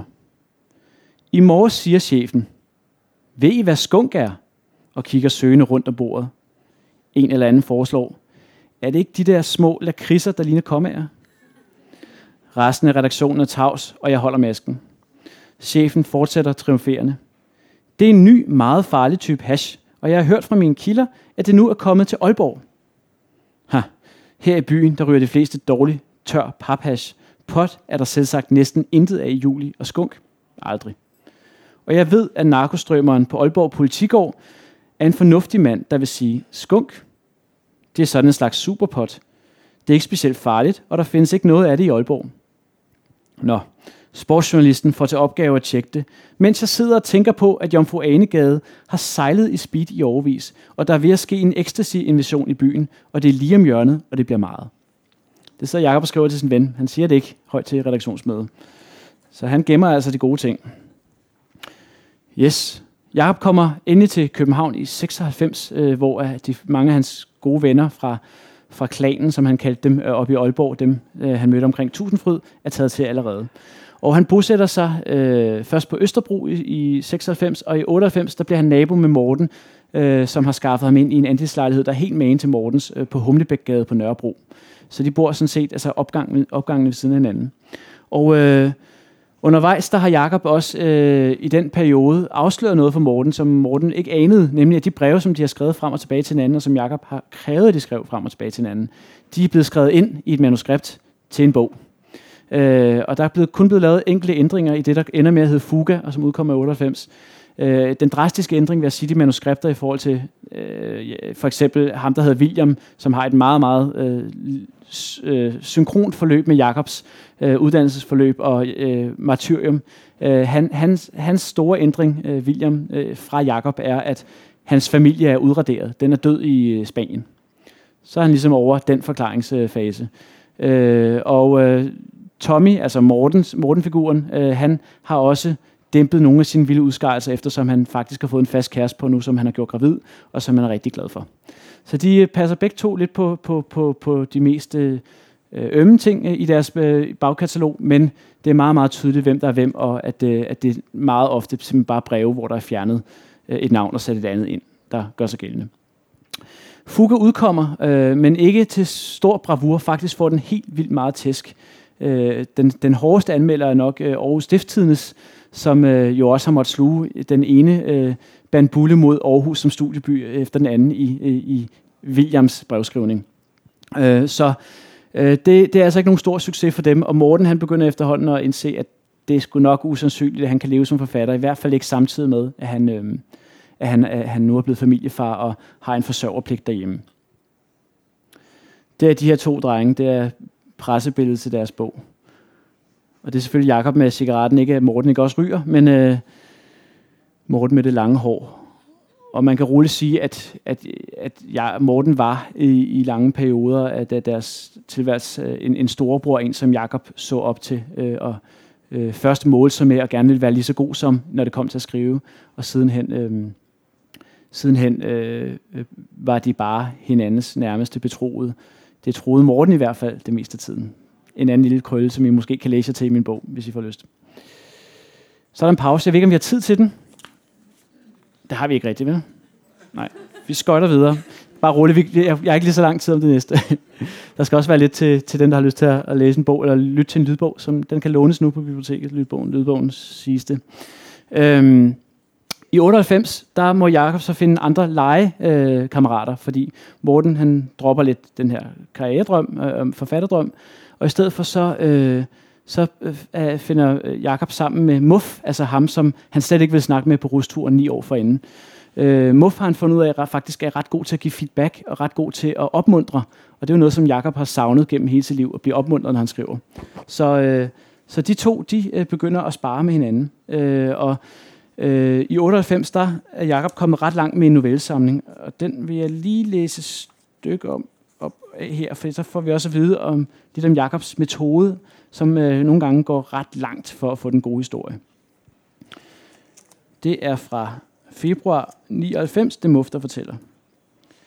Træfældning var bevis for, at Jakob kunne mere, end han selv anede. Det er novellen. Novellen stod i kontrast til det sortsyn, der ellers prægede hans skriverier, og Muff så ikke bare forfatterpotentialet, han troede mere og mere på deres venskab, for han sad og blev et bedre menneske af at læse med. Sønnen, der ryddede ud i de skyggende elme, sønnens ven, der stillede sin skovhuggersnille til rådighed, sønnens vens kæreste, der blev opstemt af de drættende stammer, og faren, der gav sønnens ven lov til at plante sin potfrø i den frodige kæmpehave. Alle i novellen vandt noget, og som læser kom man i godt humør. Jakob og Muff sad alle omkring det runde spisebord. Jakob havde skrevet sig op på 16 noveller, og hvis man så bort fra Pels, var Muff begejstret. Dialogen i Pels var karikeret og reggae og hvad skete der også for de homoerotiske undertoner? Han skulle til at spørge, da Jakob lod en bombe springe. Jeg har en sidste tekst på vej, sagde han. Om. Den hedder Firkant. Og? Og den handler om dit kærlighedsliv. Jakob fnes. Han behøvede heller ikke at sige mere. Muff kunne godt lægge et og tre sammen. Det var historien om en nervepirrende måned på AUC tilbage i 1990 eller 91. Muff havde spillet på flere heste på samme tid, og når han havde bevæget sig omkring med en fløt under armen, havde hans hoved arbejdet på højtryk. Al energi var blevet kanaliseret ned i at undgå de to øvrige piger på universitetets gange. Det kan du ikke skrive om, sagde Muff. Jakob lignede en tækkende vorse. Mit liv er ikke et katalog, du bare kan bruge løs af. Slet ikke uden først at spørge om lov. Men det er skide godt, Christian. Jeg flyttede det hele til Aarhus, væk fra Aalborg. Hør lige her. De vil genkende mig på lang afstand, og jeg holder stadig af dem. Det er ikke noget, jeg er specielt stolt af. Men den vil passe så godt ind i mixet. Jakob, den skal slettes, udraderes. Jakob slettede den novelle, men han spurgte aldrig igen nogen om lov til at bringe en historie om den. Han skrev den bare, og så prøvede han at kamuflere den så godt, så han ikke lige umiddelbart kom i knib i hvert fald. Men det var det, han lærte det. Øhm, I 99 så er der ikke rigtig nogen, der vil have superego, øh, og Jakob øh, vil i hvert fald ikke på Gyldendal, fordi Gyldendal er parnasset, det er borgerskabet, det er det fine gamle forlag, det er alt for stort, der er alt galt med det. Øh, men alle de andre forlag vil altså bare ikke øh, øh, have øh, superego novellesamlingen. Så til sidst så øh, bliver han overtalt af Muff til at sende den ind til, til Gyldendal, og tilfældighederne ved det, at der er en, øh, en redaktør, en kvindelig redaktør, der ser noget potentiale i det, han har sendt ind. Og øh, det, som hun blandt andet øh, hæfter sig ved, det der er sådan klart øh, tema i det, nemlig øh, unge, der ikke kan med deres forældre som regel, øh, og som leder efter deres egen vej i livet, som skal til at blive voksne, øh, men ikke rigtig har lyst til det. Og øh, det eneste, der undrer hende lidt, det er sådan set, at der er to noveller, der stikker ud. Der er den her om træfældning, som slet ikke passer ind i skemaet. Og så er der den her om et, et, et hash-studie, øh, et, et meget, meget hæftigt hash-dampende studie, lydstudie i Aalborg, øh, hvor øh, en fyr er, er, er sådan hjælper øh, for, for guitarlægeren, der har studiet. Det kan hun ikke få til at passe ind, men øh, hun lader være med at spørge, fordi hun synes, det er fint nok med lidt diversitet og ting, der stikker ud. Yes. Subego kommer i 2000, og så er det, at øh, Jakob kommer på bogmesse øh, og får øje øh, inde i øh, Gyldendals aflukke, hvor man kan få gratis øl. Øh, der får han øje sammen med sin kammerat, der også lige er kommet med en bog, øh, på Henrik List, for mange øh, i den danske litteraturverden, der er Henrik List måske sådan et fy-fy, fordi han skriver om nogle andre ting, og han øh, øh, synes, øh, det er fedt nok med Istegade, og fedt nok med porno, og fedt nok med øh, ladyboys, og så videre. Og det er der sådan nogen, der synes måske ikke helt passer ind i, i deres øh, opfattelse litteratur. Så han er ikke sådan vildt øh, øh, blåstemplet på det tidspunkt, vil jeg sige. Nu har han faktisk lige fået et, et arbejdslegat, men det er en anden snak. Men det er han ikke vildt dengang. Øh, og Øh, sådan er det bare ikke med Jakob og hans ven. De synes, Henrik List er det fedeste, fordi Henrik List han ved noget om amerikansk litteratur, og det er den slags litteratur, de godt vil skrive selv. Så de får øje på Henrik List og tør ikke gå hen til ham. Øh, så de sidder sådan og prikker til hinanden og siger, at du gør det. Nej, du gør det. Altså, de er sådan små børn, der ikke tør. Øh, og så er det altså, at Henrik List kommer ind og får øje på dem i stedet. Det kommer her. Det er på Bogforum, november 2000. Ved et bord i hjørnet puttede to gutter sig. De så fejlkastet ud. Den ene var hans lugt, som havde hængt ud i nattelivet, da Henrik endnu arrangerede cutting-edge teknofester. Henrik slendrede over til dem og hilste på. Jakob, Jakob Ejersbo, sagde den anden. Så var Henrik med. Fuga havde befundet sig så langt fra forfatterskolens metabevidste minimalproserøvelser, at den havde fortjent nogle håndtegn og noget respekt med på vejen. Novellerne i Superego havde også deres momenter og lagde stærkt fra landet med datteren fra land med datteren, der brød, ud, der brød op fra en familiemiddag for få minutter senere at sniffe coke i S-toget. Problemet opstod i pels. Dialogen var utroværdig. Det samme var det voldelige optrin. Den slags idioti hørte til sjældenhederne i miljøet. Om noget var de nye generationer overdreven kærlige, fordi de sejlede ecstasy påvirket omkring til den transagtige techno. Henrik havde drukket, men ikke tæt, og han var rigelig i stand til at give klar besked. Der er noget med tonen. Jeg tror ikke helt på, at de karakterer findes. Jeg kan heller ikke genkende, at alle DJ's skulle være nogle opblæste narhoveder, sagde han. Han blinkede også afvæbnet til Ejersbo. Men du kan noget usædvanligt. Han fremhævede novellen med den enarmede rockertype, der skød til mås med et oversaget jagtgevær. Man kan bare mærke, at du kender de der vilde, de der vilde typer personligt, at du har været der. Lige der har du dit stof, ude i provinsen, som aldrig bliver set, sagde han. Du skal skrive om det, du kender til. Og den øh, sad Jacob så og grublede lidt over. Og øh, så blev det 2001.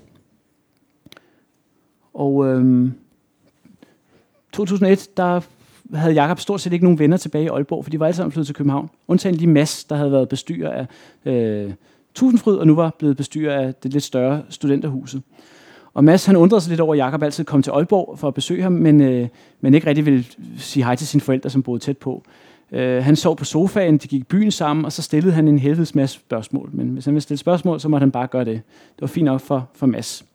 Øh, de blev så gode venner, at de også tager på ferie sammen, og det gør de så i sommeren 2001 til Lesbos, som senere er blevet øh, kendt for noget mere tragisk, end, end det var kendt for inden øh, flygtningekrisen, må man sige. Men altså en, en ø i det græske øh, øhav. Det er Mads, der fortæller. Ryggen brød de sølvglinsende bølgetoppe. Jakob snappede luft gennem snorkelen, chattede med svømmefødderne og forsvandt. Mads sad i brændingen og betragtede sin ven. Humørsvingningerne var væk. Sådan havde det været i nogen tid. Dagene flød ud. De havde lejet et par skuter og fræset Klippeøens grusveje op, spejtende efter dykkeværdige laguner. Ved Erassos fandt de koraller, og ud fra Siris borgruin myldrede havbunden med potteskov. På afstikkeren til Patmos var der gået kuk i timeplanen, og de måtte overnatte på en forlist fave. Så længe der var smøger og usu, gik det jo nok. Det kunne ses, at Lesbos tiltrak masser af lesbiske.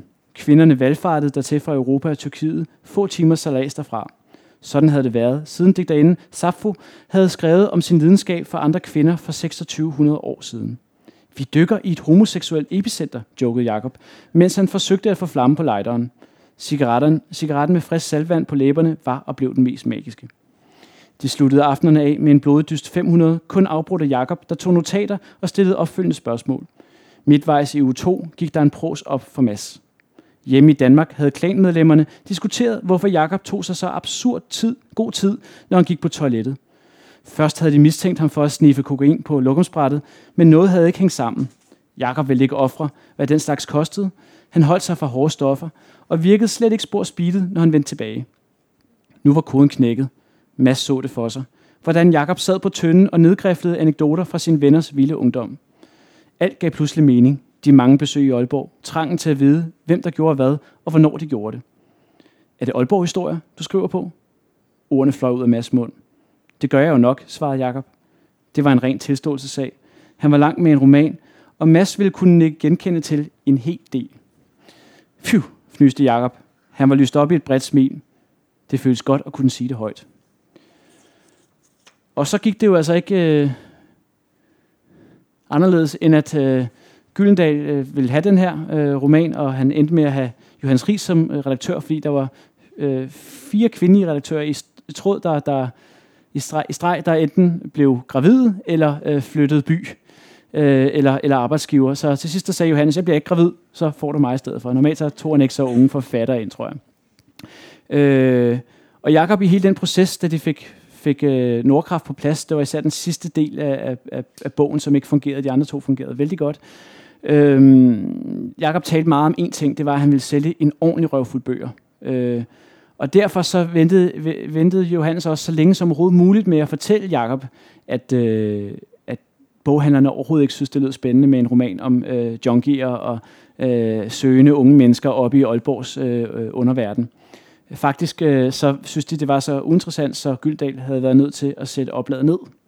Og den øh, information, den gemte Johannes så længe som muligt, for ikke at knække Jakob fuldstændig, for det var ligesom Jakobs liv. Han ville ikke tilbage og skulle øh, aktivere som journalist øh, hvad han jo skulle en gang imellem, når han sad og skrev på dagpenge, hvad han gjorde så tit, han kunne. Øh, så Jakob øh, gik også helt ned, da han fik det her vide, og øh, var helt umulig over for sine venner. Og så kom skæbnedagen, altså den dag, hvor Nordkraft skulle udkomme, øh, og de her 1200-1500 eksemplarer var kommet ud, trods alt, øh, eller lå på lager, eller var kommet ud øh, i boghandlerne. Jeg tror, der var 300 styk, som, som boghandlerne havde købt ind på forhånd, hvilket ikke er særlig meget for en, for en roman, som et stort forlag hyper. Øhm, 22. august, så sker der alligevel noget godt. Og det er Morten, der øh, er den første til at høre om det. Øh, det er vi er på Humlebækgade, og telefonen ringer hos Morten. En kop kaffe, spurgte Jakob. Morten havde undervisningsfri, og han tog gladeligt imod invitationen. Inden de fik sat sig ned, gav Jakob sig i kast med en speedet rekonstruktion af sin morgen. Ved firetiden havde han opgivet at få sovet og var i stedet hoppet i sin badekåbe, utålmodigt ventende. Så snart avisbudet havde trampet færdig, var han listet op og ned i opgangen. Det tiltagende morgenlys havde gjort det muligt at tyde aviserne på dørmåtterne, og der var bid i første hug. Berlingske uddelte seks stjerner. Jakob Ejersbos Nordkraft er det smukkeste og mest forfærdende vidnesbyrd, der endnu er skrevet på dansk om generationen, der skulle være blevet voksen i løbet af 1990'erne. Men som i stedet skød sig ud af tilværelsen i misbrugets katapult, stod der. Er det ikke for sindssygt, jublede Jakob. Journalisterne kimer mig ned. Det var for sindssygt. Morten glædede sig på sin vens vegne, og han glædede sig over, at det var blevet nemmere at glæde sig. Øh, Morten havde ikke hørt så meget om den her roman. Sigurd, som havde leveret rigtig mange historier til den, og rigtig meget inspiration til den, han havde hørt meget om den, og han var skide nervøs for den. Fordi øh, han havde jo ikke rigtig nået så meget med sit liv, som han synes, han skulle. Han var lidt pinlig over, hvis hans øh, kolleger på hans første rigtige voksenjob skulle høre øh, om hans egentlige fortid. Så han gik og skuttede sig den samme dag. Det var faktisk hans fødselsdag den 22. august, Sigurd. Og hans øh, fortælling fra den dag kommer her. Ja. Det er det øh, inderflappen på bogen. Sigurd fyldte 36 år og havde taget hjemmebag med til Lærkevang, Lærkehøj. Lærkehøj var Frederiksbergs nye herberg, og han havde været ansat i tre uger. De hjemløse ville få adgang fra september, og indtil da skulle de 18 kolleger lære hinanden at kende og bælge nogle uhyrlige mængder kaffe. Indtil videre var det lykkedes ham at undgå at tale om sin fortid, når de andre knævrede igennem. Han var forlegen over intet at have udrettet, for det talte næppe at have plukket svampe, trippe på dem, finde middelaldermønter, fiske, memorere sandemose og dyrke pot på overførselsindkomst. Imens de guffede guldrodskage, begyndte nettet at stramme. Alle øjne hvilede på ham, og han sænkede hovedet. Da det første Aalborg spørgsmål faldt, skyndte han sig ind til medarbejdercomputeren. Så kunne han også få tjekket, om der stod noget om Nordkraft. Det gjorde der. På jp.dk lød det til, at Jakobs roman var en stor historie. Aalborg er hermed en by i samtidslitteraturen, stod der øverst med fede typer. Placeringen var lige så prominent på pol.dk. God tur, Steso, stod der. Sigurds frygt blev gjort til skamme. Nordkraft ville ikke skabe problemer for ham. Den ville tjene som en blåstempling. Der var kommet noget godt ud af det hele. Han skubbede kontorstolen ud fra computerbordet og skridtede tilbage ind i opholdsstuen. Ved I hvad, sagde han. Den bog, som alle skriver om i dag, den er jeg med i, og det er min ven, der har skrevet den. Han måtte vente til det blev weekend, før Nordkraft ankom med pakkeposten. På flappen stod Jakob foran kimpretyren og smilede lumsk. Bronzestatuen havde ikke lignet sig selv, siden Sigurd i en 20-hestesbrændert trak øh, bronzesværet ud af den sokkel. Ren kong Arthur-stil tilbage i 1999. Den næste formiddag var han vågnet op med sværet ved sin side i sengen og gået i total panik. Sigurd var overbevist om, at han allerede var under efterforskning og udfærdede et anonymt brev til stiftstidene. Det kom der ikke noget ud af. Ingen tog ham seriøst, og i stedet gemte han sværet af vejen i en park i byen. Da han næste gang ville se til det, var det væk. Ja, det er klassisk Aalborg. Hold da kæft, hvor er det klassisk, havde Jakob udbrudt, da han hørte om misæren første gang. Byens vartegn midt på en færdselsår er skamferet på det groveste, men aalborgenserne er skide ligeglade. Forfatterfotografiet var en hilsen til Sigurd, ingen tvivl om det. I det hele taget var Nordkraft proppet med indforståede godbyder, og jo længere Sigurd sank ned i læsningen, jo mere smeltede hukommelse og fiktion sammen. Yes. Så det blev en god dag, også for Sigurd. For Jakob gik det lige pludselig hurtigt. Øhm, han, øh, han solgte nærmest første øh, oplag ud på den første dag, øh, med alle de bestillinger, der kom på det. Og øh, øh, blandt andet fordi han kom i, TV2 om aftenen også. DR strækket, DR nyheder strækket, og TV2 var det eneste, der blev vist. Og der går han altså ind til Jes, Steif, øh, Jes Stein Pedersens første og eneste forfatterinterview øh, på nyhederne nogensinde. Øh, så der fik han altså lige en vanvittig god eksponering øh, for dobbelt så mange seere som normalt, eller deromkring i hvert fald det, det gik bare godt for ham, og han solgte mange bøger. Han scorede sig en virkelig, virkelig flot øh, forfatterkollega, øh, som, som også faldt pladask for ham. Og øh, det kørte rigtig godt længe. Men så var det, at alt det der med, når Jakob skal noget, det bed ham i haserne. Øh, han øh, havde sagt ja til så mange foredrag som muligt for at kunne finansiere sit næste skriveprojekt, sådan så han ikke igen skulle på dagpenge og øh, lyve sig på dagpenge i virkeligheden, og bagefter i aktivering. Øh, han ville bare have råd til at skrive sin næste bog. Det var ligesom Jakobs primære mål med livet, tilværelsen, det var at skrive. Øh, og selvom han havde fået en kæreste, så kan man sige, at hans, hans, hans allernæreste øh, var nok de øh, bøger, han sad og skrev på hele tiden.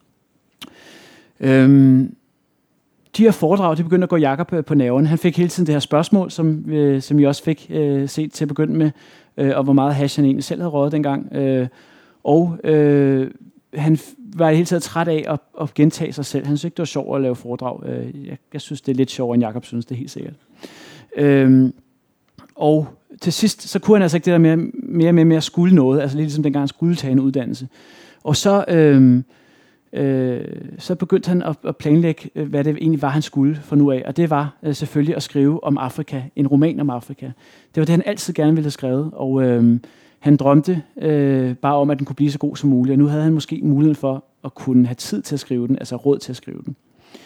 Og øh, det her Afrika, det fylder mere og mere. Det står lige pludselig overalt på hans, øh, på hans opslagstavle i, i den lille lejlighed i køkkenet. Øh, han taler hele tiden om at skulle ned igen, og øh, først skal kæresten med, og så skal hun alligevel ikke med. Øh, og øh, det får hun at vide øh, i foråret 2003, hvor Jakob i hendes øh, opfattelse i hvert fald er et helt andet sted, øh, og er slet ikke den samme, som da de mødtes et halvt år før, hvor han var nærmest øh, lykkelig fra det øjeblik, de så på hinanden første gang. Og det er en pige, der hedder Ditte, der fortæller, og det er april 2003. Og øhm, det lyder sådan her. Det fungerer ikke, fastslog han i telefonen. Hun var for chokeret til at sige noget. Han kom over for at tale det igennem. De satte sig ned i hendes venindes sofa. Det var den 17. lejlighed, hun havde været i på mindre end 9 måneder.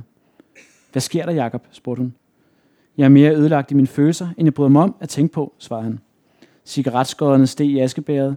Halvdelen var brændt ned til filteret. Han gav hende fødselsdagsgaven tilbage. To koncertbilletter til Calexico. Røgen blev hængende i eftermiddagslyset. Intet trængte igennem. Ditte græd ikke. Da Jakob gjorde tegn til at ville rejse sig, ville hun give ham et kram. Hendes arme prallede af. Lad være med det, sagde han. Hun fulgte med ham ud til hoveddøren. En af låsene ville ikke op, og hun fumlede. Da en nøgle ret, holdt de om hinanden. Så snart hans fjederne ben gungrede mod trapperne, kom hendes tårer. Tårer og tanker i et restløst virvar. Alt den lykke, som hun havde følt, var afløst af, en afgrundsdybt, øh, af et afgrundsdybt mørke. Det måtte være pladsen, der manglede. Der var ikke plads til hende og ham i Jakob. De to, der skulle have det så godt. Han kunne ikke rumme hende. Ikke rumme en fremtid. Ikke så længe han også havde en fortid. Han manglede at skrive Afrika ud af systemet. Afrika havde indhentet ham. Og øhm, fem måneder efter, der står Jakob endelig i Afrika igen. Og øh, han har forberedt sig godt. Han har været rundt og besøgt alle mulige mennesker, som også var udstationeret. Der var rigtig, rigtig mange skandinaver, især udstationeret i, i Tanzania og især i Moshi øh, i, i, i 70'erne og 80'erne. Dem har han besøgt mange af på forhånd i Sverige, Finland, England osv. Og øh, USA har han også været et par gange. Og øh, han, nu står han så endelig i Afrika, og det begynder ret godt. Han begynder med at skrive nogle meget, meget lange mails hjem øh, fra de øh, internetcaféer, han kan opspore. Og de øh, handler øh, især om, at, øh, øh, at det er sjovt at være tilbage. Det er sjovt at bo hos Ali. Han har indkvarteret sig hos Ali og Alis kone. Øh, og øh, øh, der er noget af hans hjerte, som er gået tabt dernede. Det kan han godt mærke nu, og det, det er hele taget en, det, det er et eventyr at være tilbage. Det er det første, han skriver. De første par mails. Og så bliver det mørkere og mørkere. Og det, som jeg vil læse op for jer, det er øh, den mail, som jeg synes kommer til at definere, hvordan Afrika-trilogien bliver. Det så bare skulle have været en bog, men som voksede til to og til tre bøger. Øh, det skulle ikke have været så mørkt øh, fra begyndelsen af, men, øh, men her der er Jakob altså godt og grundigt desillusioneret. Og det er han efter en måned dernede, under en måned dernede. Han er der i tre i alt, øh, hvor han rejser rundt og interviewer og finder historien om Terje også, hvad der egentlig er sket med hende. Øhm, og den hedder Arusha Blues, og øh, jeg læser lige op for jer, hvis der er nogen, der ikke kan se det. Kære alle sammen, lige en kort mail fra Arushas forhåbentlig langsomste internetcafé. Ankom i går, bor hos den danske konsul, skal mødes med en eks-skolekammerat senere i eftermiddag. Byen ligner sig selv, blot er træerne højere, befolkningen vokser med 100.000 og hoslerne ufatteligt påtrængende, og jeg er glad for, at mit Swahili er blomstret en lille smule op, så jeg kan afværge det værste. Mange tak for mails til de, der har skrevet. Det er skønt at få livstegn hjemmefra, og selvom I fryser, så skal jeg hilse at sige, at Danmark er et dejligt land. Her er ufattelig fattigdom, især i landsbyerne, men også mange ledige unge i byerne, og der er ikke nogen fremtidsudsigter. Cirka 25 procent af de 20-40-årige er HIV-positive, og det er forstemmende at møde så mange tilsyneladende velbegavede mennesker, som er ignorante ud over enhver rimelig grænse. Og så er der selvfølgelig hoslerne uden stil, og alle de unge kvinder, som elsker mig i løbet af omkring 33,5 sekund, fordi de alle søger en billet væk herfra. På den måde er det en meget anderledes oplevelse at være her som voksen i stedet for som knægt. Dengang var det mig, der var stort set ignorant, og derfor slap for at se bagsiden af mønten. Ja, det er ikke nogen glad mail, altså. Og der har han lige to, to måneder tilbage dernede. Øh, og, og det forestiller i den, i den rille, vil jeg sige. En bliver til to, bliver til tre. Øh, først der finder Jakob ud af, fordi han jo er den empat, som han er, altså indlever, øh, at øh, han simpelthen ikke kan, øh, alle de mennesker, han også har talt med, så kan han ikke, ikke også fortælle deres historie. Han kan ikke nøjes med kun at fortælle øh, den sorte og den hvide drengs historie i den store roman. Øh, han bliver simpelthen nødt til også at, at fortælle de andres i, i en form for øh, fortællekreds, hvor historierne, altså både novellerne i fortællekredsen og øh, romanen blandes ind i hinanden, så man mange gange oplever det samme øh, i, i de forskellige historier, men fra forskellige synsvinkler. Øhm, I 2005, i starten af 2005, hvor han altså har skrevet i omkring øh, 13 måneder, øh, og det er 16-15 måneder siden, han er kommet, eller var i Afrika og researche, øh, der har han først skrevet en novelle, der hedder øh, Slangens Vej, som er en virkelig, virkelig grim historie om, øh, om øh, mine, mine børn øh, og unge mænd i, øh, i tanzanitminerne, som laver sådan en særlig diamantlignende ædelsten. Øh, blot skær, som man kun kan få der. Øh, jeg har været dernede og set det, det er helt vanvittigt. Det er det vilde vest, bare mange år senere.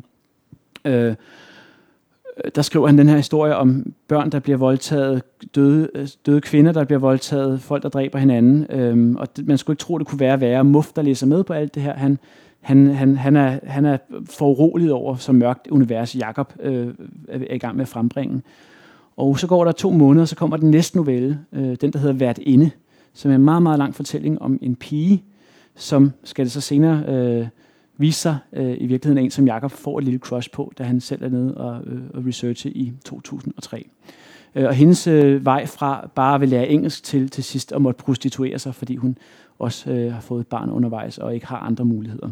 Det er nogle rigtig, rigtig grimme historier, og øh, de sætter også øh, deres præg på Jakob, og det er ligesom det, som jeg vil frem til her. Fordi han sender en mail med den her værtinde novelle til Muff. Og vi springer ind, hvor, øh, hvor Muff får den. Januar 2005. Tre dage senere landede værtinde i indbakken. Teksten var en slags feminin pendant til Slangens Vej. Lag for lag blev pigens håb pillet ud af hende, pillet af hende, indtil hun var rendyrket med lejer. Muff nåede ikke at reagere, før Jakob igen havde skrevet. Subjekt. Åh oh, ja. Hej C. Altså Christian Muff. Fuck, hvor har jeg det fucking fantastisk fedt med at få skibet den historie afsted til dig. Helt smadret i roen. Har lejet DVD'er, spist kinamad, Sigurd kommer om lidt. Jeg har en flaske god Cavados. Stemningen er smuk, samvittigheden spejlblank. Nogle gange er det bare så genialt at få giften presset ud af kroppen. Tværet ud på det jomfruelige ark. Jep, hep, KHJ. Og så siger Muff så, Jakob havde ikke længe, blev ikke længere høj af at skrive. Ikke som dengang med Nordkraft. Han pressede gift ud af kroppen. Han lå i kisten og ville ligge op, og Muff fattedes ord. Hvad svarede man på sådan en omgang? Og det er også svært for Muff at finde ordentligt svar. Det er det for alle Jakobs øh, omgangskreds, og han begraver sig i større og større øh, arbejdsraseri, der altså ender med, at han har tre bøger, hvor alle scener stort set er på kryds og tværs, eller mange af dem er i hvert fald. Øh, det, det må være helt ufatteligt at skulle kunne rumme i sit hoved, også selvom man har nogle, nogle tegninger til det, og for at hjælpe lidt på det. Øh, I 2007, der får Jakob en diagnose. Han har lang tid gået og haft øh, ondt i halsen, synkebesvær, øh, og de piller, han har fået, har ikke hjulpet. Øh, og det viser sig så, at han faktisk har øh, øh, i spiserøret øh, i fjerde stadie, som er det øh, mest fremskredende stadie. Han har gået med det rigtig længe, mens han har begravet sig i et arbejdsraseri. Øh, og øh, det er en mørk omgang, og øh, det skal man ligesom det skal man have i sin helhed. Jeg, jeg, jeg tror ikke, jeg kan stå udpensende, uden at det, det, det bliver for flagrende og, og, og, og for, for ufølsomt. Så det gør, det gør jeg ikke. Men jeg vil godt læse det stykke, som lidt startede fortællingen med Morten og Asken op. Nemlig, da Morten og Jakob er på tur op i Nordjylland. Morten kører ham en tur, og det er i øh, foråret 2008. Jakob dør i juli 2008. Det her det er i februar 2008, så det er vinteren 2008. Det er Morten, der fortæller. Øh, Jakob er endt op hos sine forældre, fordi de ligesom kan tage sig af ham. Han skulle have været hjem igen efter juleaften hos dem, men var for svag. Så han er blevet derop øh, øh, lige siden juleaften, og nu er vi altså i februar. De gik over i annexet og hentede overtøj, hue, vanter og hasteklæde. Turen gik til Bulbjerg, Jyllands eneste klippe, et boldværk mod havet, som Sten Stensen Blikker havde skrevet. Det var Jakobs idé at tage ud. De tog et pitstop i Nibe, fandt en kiosk nær havnen, der serverede kaffe og te. Kan du huske vores Kilimanjaro-plan? spurgte Jakob, da de igen havde fået varme. Selvfølgelig kunne Morten det. Når Jakob var færdig med sine bøger, skulle det fejres med en tur op ad Kilimanjaro. Morten skulle se Jakobs Afrika, møde Ali, ryge en pind i den tynde luft. De havde givet hånd på det i den cherryfarvede Cherokee på vej tilbage til Santa Cruz i 2004. Du skal gøre det lige meget hvad, sagde Jakob. Hvis det her lort slår mig ihjel, skal du tage min aske med op og sprede den på toppen. Morten så kun sygdom, når han så på sin ven. Alligevel afviste han præmissen. Jakob kunne stadig overleve det her, og så længe det var en mulighed, gav det narver mening at snakke hypotetisk. Han fortalte Jakob om tilværelsen med sine, hvordan de visnede, og igen ville hun hive familien til udlandet og forfølge sine ambitioner, men Morten var rejsemæt. Hun har ikke set sig tilbage siden studiestarten dengang i Lund, sagde han. Nå, Bulbjerg var kolossal. En kæmpestor limsten med skrænter, der stod vinkelret på det hissige hav. De arbejdede sig ned til stranden. Sandet var tungt, og de burde vende om. Giv op. Det skete bare ikke. I stedet skete det, der ikke måtte ske. Et vindstød blæste Jakob ud af kurs, så han mistede fodfæstet og slog en koldbøtte. Han blev liggende og stønnede ned i hasteklædet. Nu kan jeg ikke engang gå længere, sagde han. På vej tilbage mod Store Restrup fandt han en sprøjte frem, trak op i svætteren og stak kanylen i sit maveskin. Kroppen skreg på morfin. Morten havde taget læse, læsestof med. Jakob scannede bøgerne og lagde dem tilbage i plastikposen, dumpede den ned på passagersædet, da han var stået ud af bilen. Nej tak, min ven. Ikke dengang. gang. Lige før Aarhus blev Morten svimmel. Han holdt ind til siden og stak hovedet mellem benene. Det var første gang, at Jakob havde afstået en af hans boganbefalinger. Så ja, det var den tur. Men Morten afgav altså løfte og en lille spoiler. Det indfriede han. Og det gør han på Afrikas tag her. Yes. Nu må jeg gerne stille en hel masse spørgsmål, hvis jeg har lyst til det. Jeg ved ikke, om vi har så meget tid, for jeg taler som sædvanligt over tiden, men øh, måske går det dagen. Er det godt? Ja. Og hvis nogen af jer må gå, så er det øh, helt okay. Tak.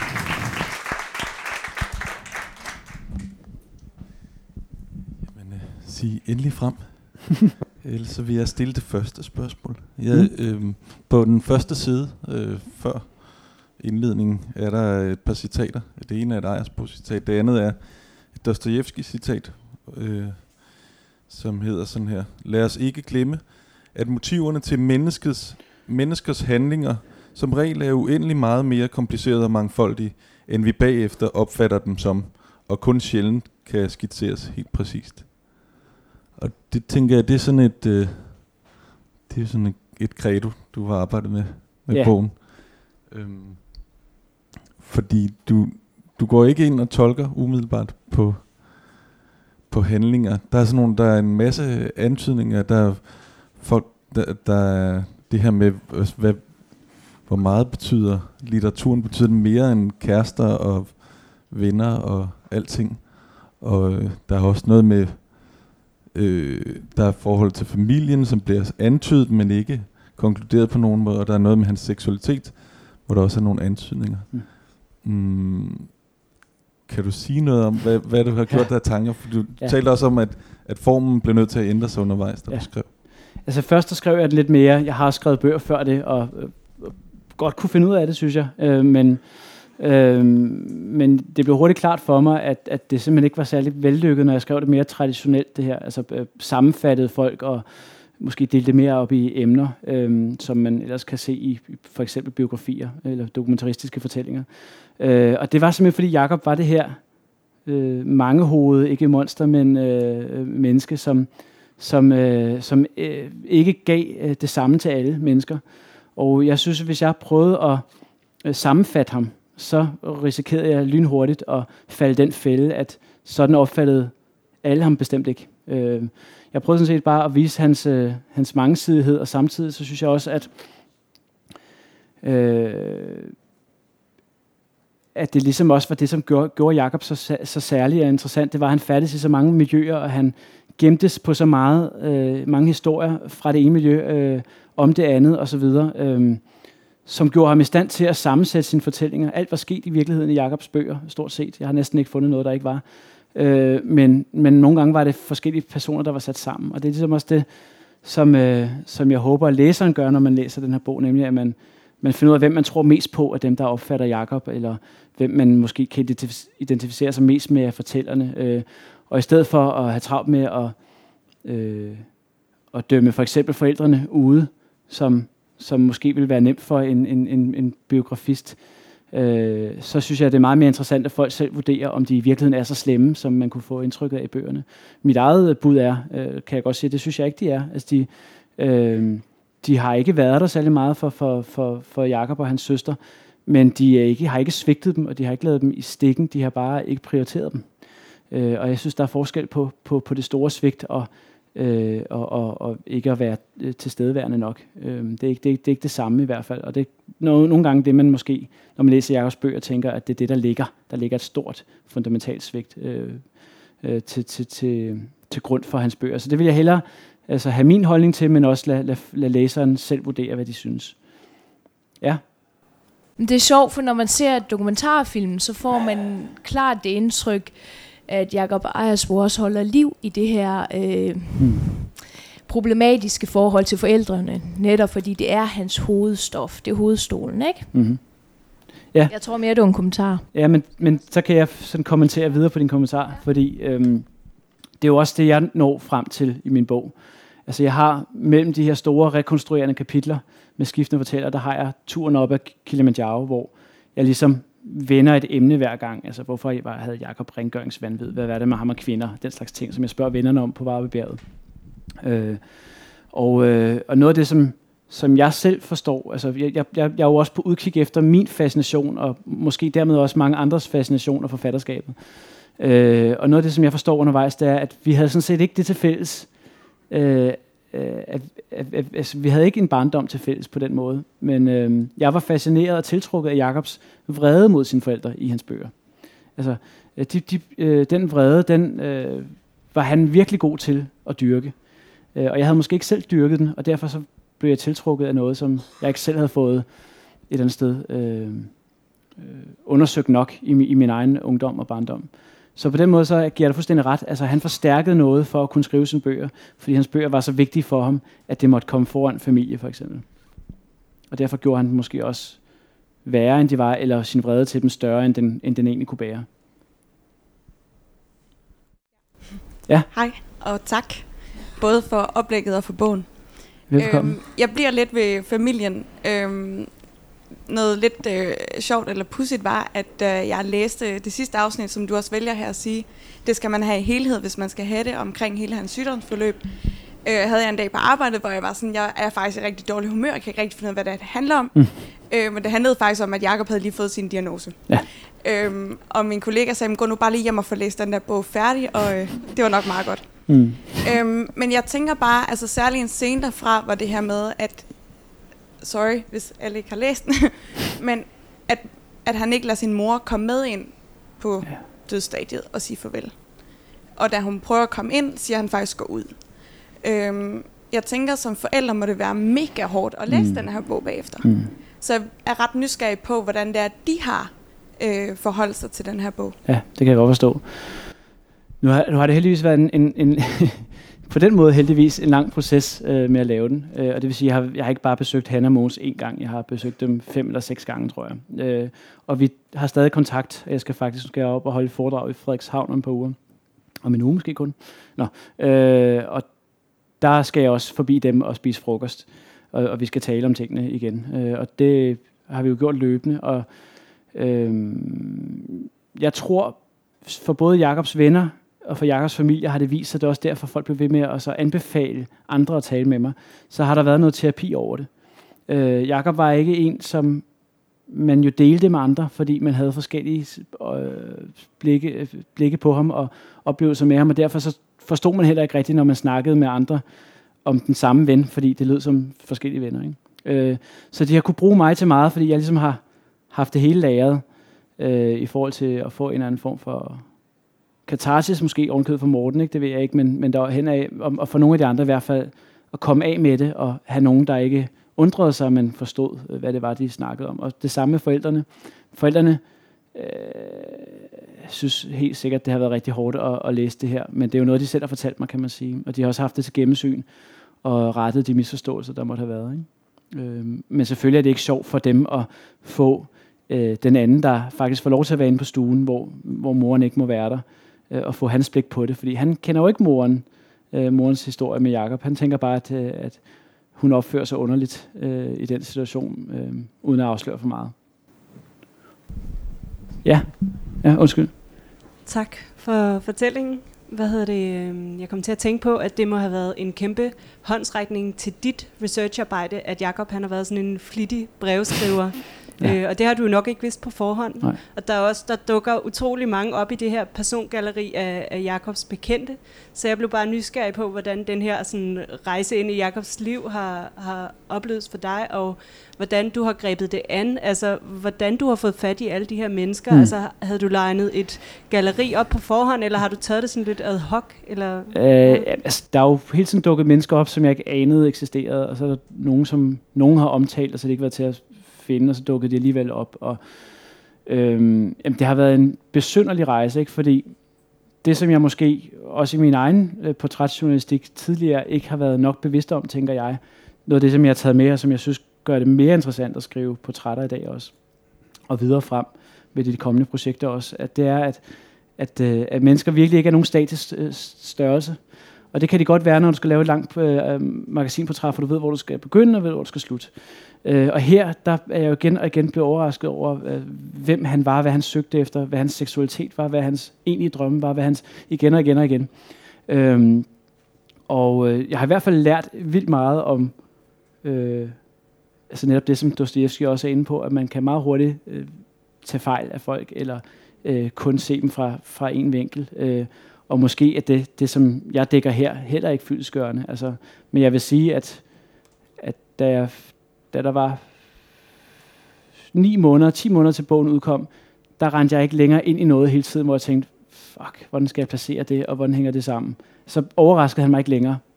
Men indtil da, så blev jeg stadigvæk overrasket. Så over sådan en fireårig periode i hvert fald, hvor jeg selvfølgelig også har lavet andet, altså jeg har ikke været fuldstændig... Øh, det, har ikke været, det, var ikke, det har ikke været så sindssygt. øh, så nogle gange, der har jeg selvfølgelig øh, næsten givet op, fordi jeg blev ved med at ikke at kunne få for, for, for styr på ham et eller andet sted. Ikke? Så øh, på den måde så har det så har det været helt vildt øh, at, at skulle igennem så mange mennesker for at, for at komplettere øh, sku, øh, hvad skal man kalde det for, mosaikken. Det er, jo, det er jo ikke engang et puslespil, fordi der er nogle brækker, der lapper over hinanden, og der er også enkelte hul, huller det her. Ikke? Ja? Øh, jeg vil spørge dig, øh, der står, at det har taget dig cirka 6 år, ja. bog. Hvorfor, hvorfor ham? Altså, ja. en ting er selvfølgelig, hvis du har været betaget af hans forfatterskab, men en anden ting er, øh, da jeg læste den her, der tænkte jeg også, enormt interessant person allerede fra barndommen, men ja. hvordan kunne du sætte sig på at lægge så meget, at den ideen opstod? Ja, altså igen må jeg lige gentage, at jeg har, jeg har trods alt også skulle tjene nogle penge på noget andet undervejs, så jeg har heldigvis også fået lidt legalt og sådan noget hister her, men jeg, det, har, ikke været den eneste beskæftigelse seks år. De sidste to år, der brugte jeg næsten al min tid på det. Men, øh, men, men det har været en løbende proces også der, før det, og det har hele tiden kørt. Det har tit været det, jeg tænkte på, når jeg gik i seng, og tit det, jeg tænkte på, når jeg vågnede op. Ikke? Der har været lidt, lidt for meget i gang imellem. Øh, men det var, fordi det var så mange ting, jeg skulle styre på. Men Øh, hvorfor? Jamen det er det der med, at da jeg læste færdigt, så havde jeg en følelse, som jeg øh, skulle tilbage til min ungdom, helt tidlig ungdom og barndom, øh, for at genkende. Nemlig det her savn. Øh, og øh, jeg måtte ligesom finde ud af, hvorfor han havde kun, eller hans figur havde kunne komme så tæt på mig, som de havde.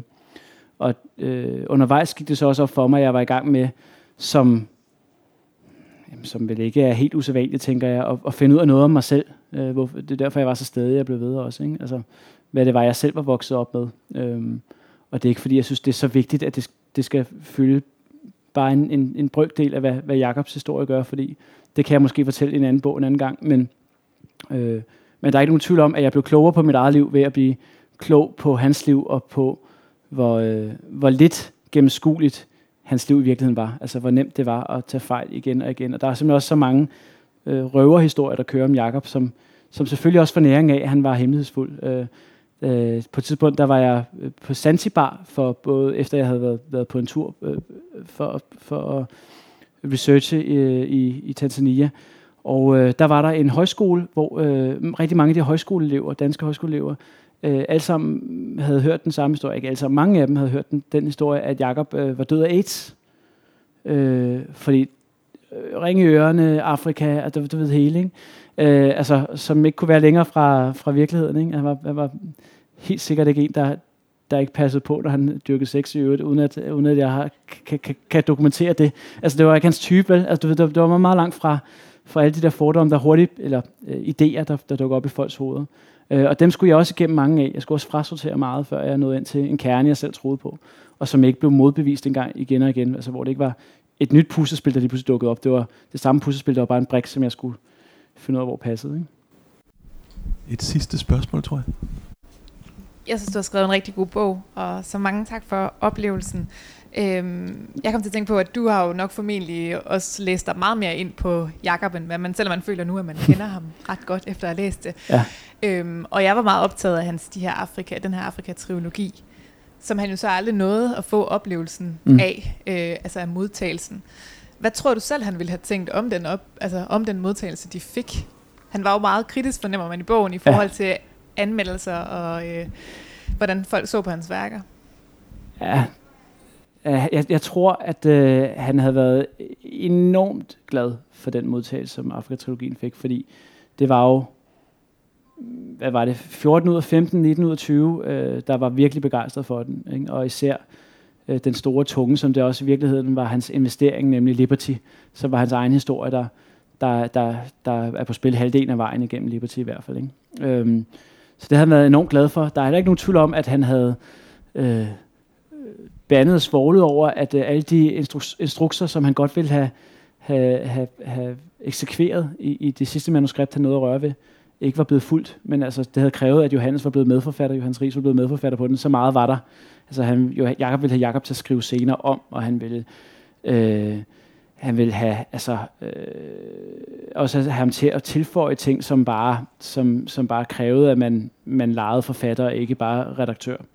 Så, øh, så Jacob ville jo godt have haft en, en, en, en noget længere, tror jeg, og, og, og, og, og lidt anderledes bog, men man kan sige, at 700 sider var måske også rigeligt. Altså, øh, og, og, og det var 700 virkelig, virkelig gode sider. Ikke? Altså se, hvad de gjorde ved mig, se, hvad de har gjort ved virkelig mange andre. Ikke?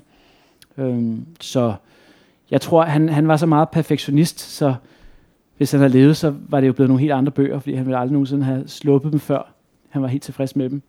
Men, øhm, men med den modtagelse, det fik, så kunne han godt have været tilfreds i længden, og jeg tror, han havde været, det havde frydet ham at vide, at han havde solgt så mange bøger, og de havde opnået så mange anerkendelser, og de nåede ud i verden, ikke mindst.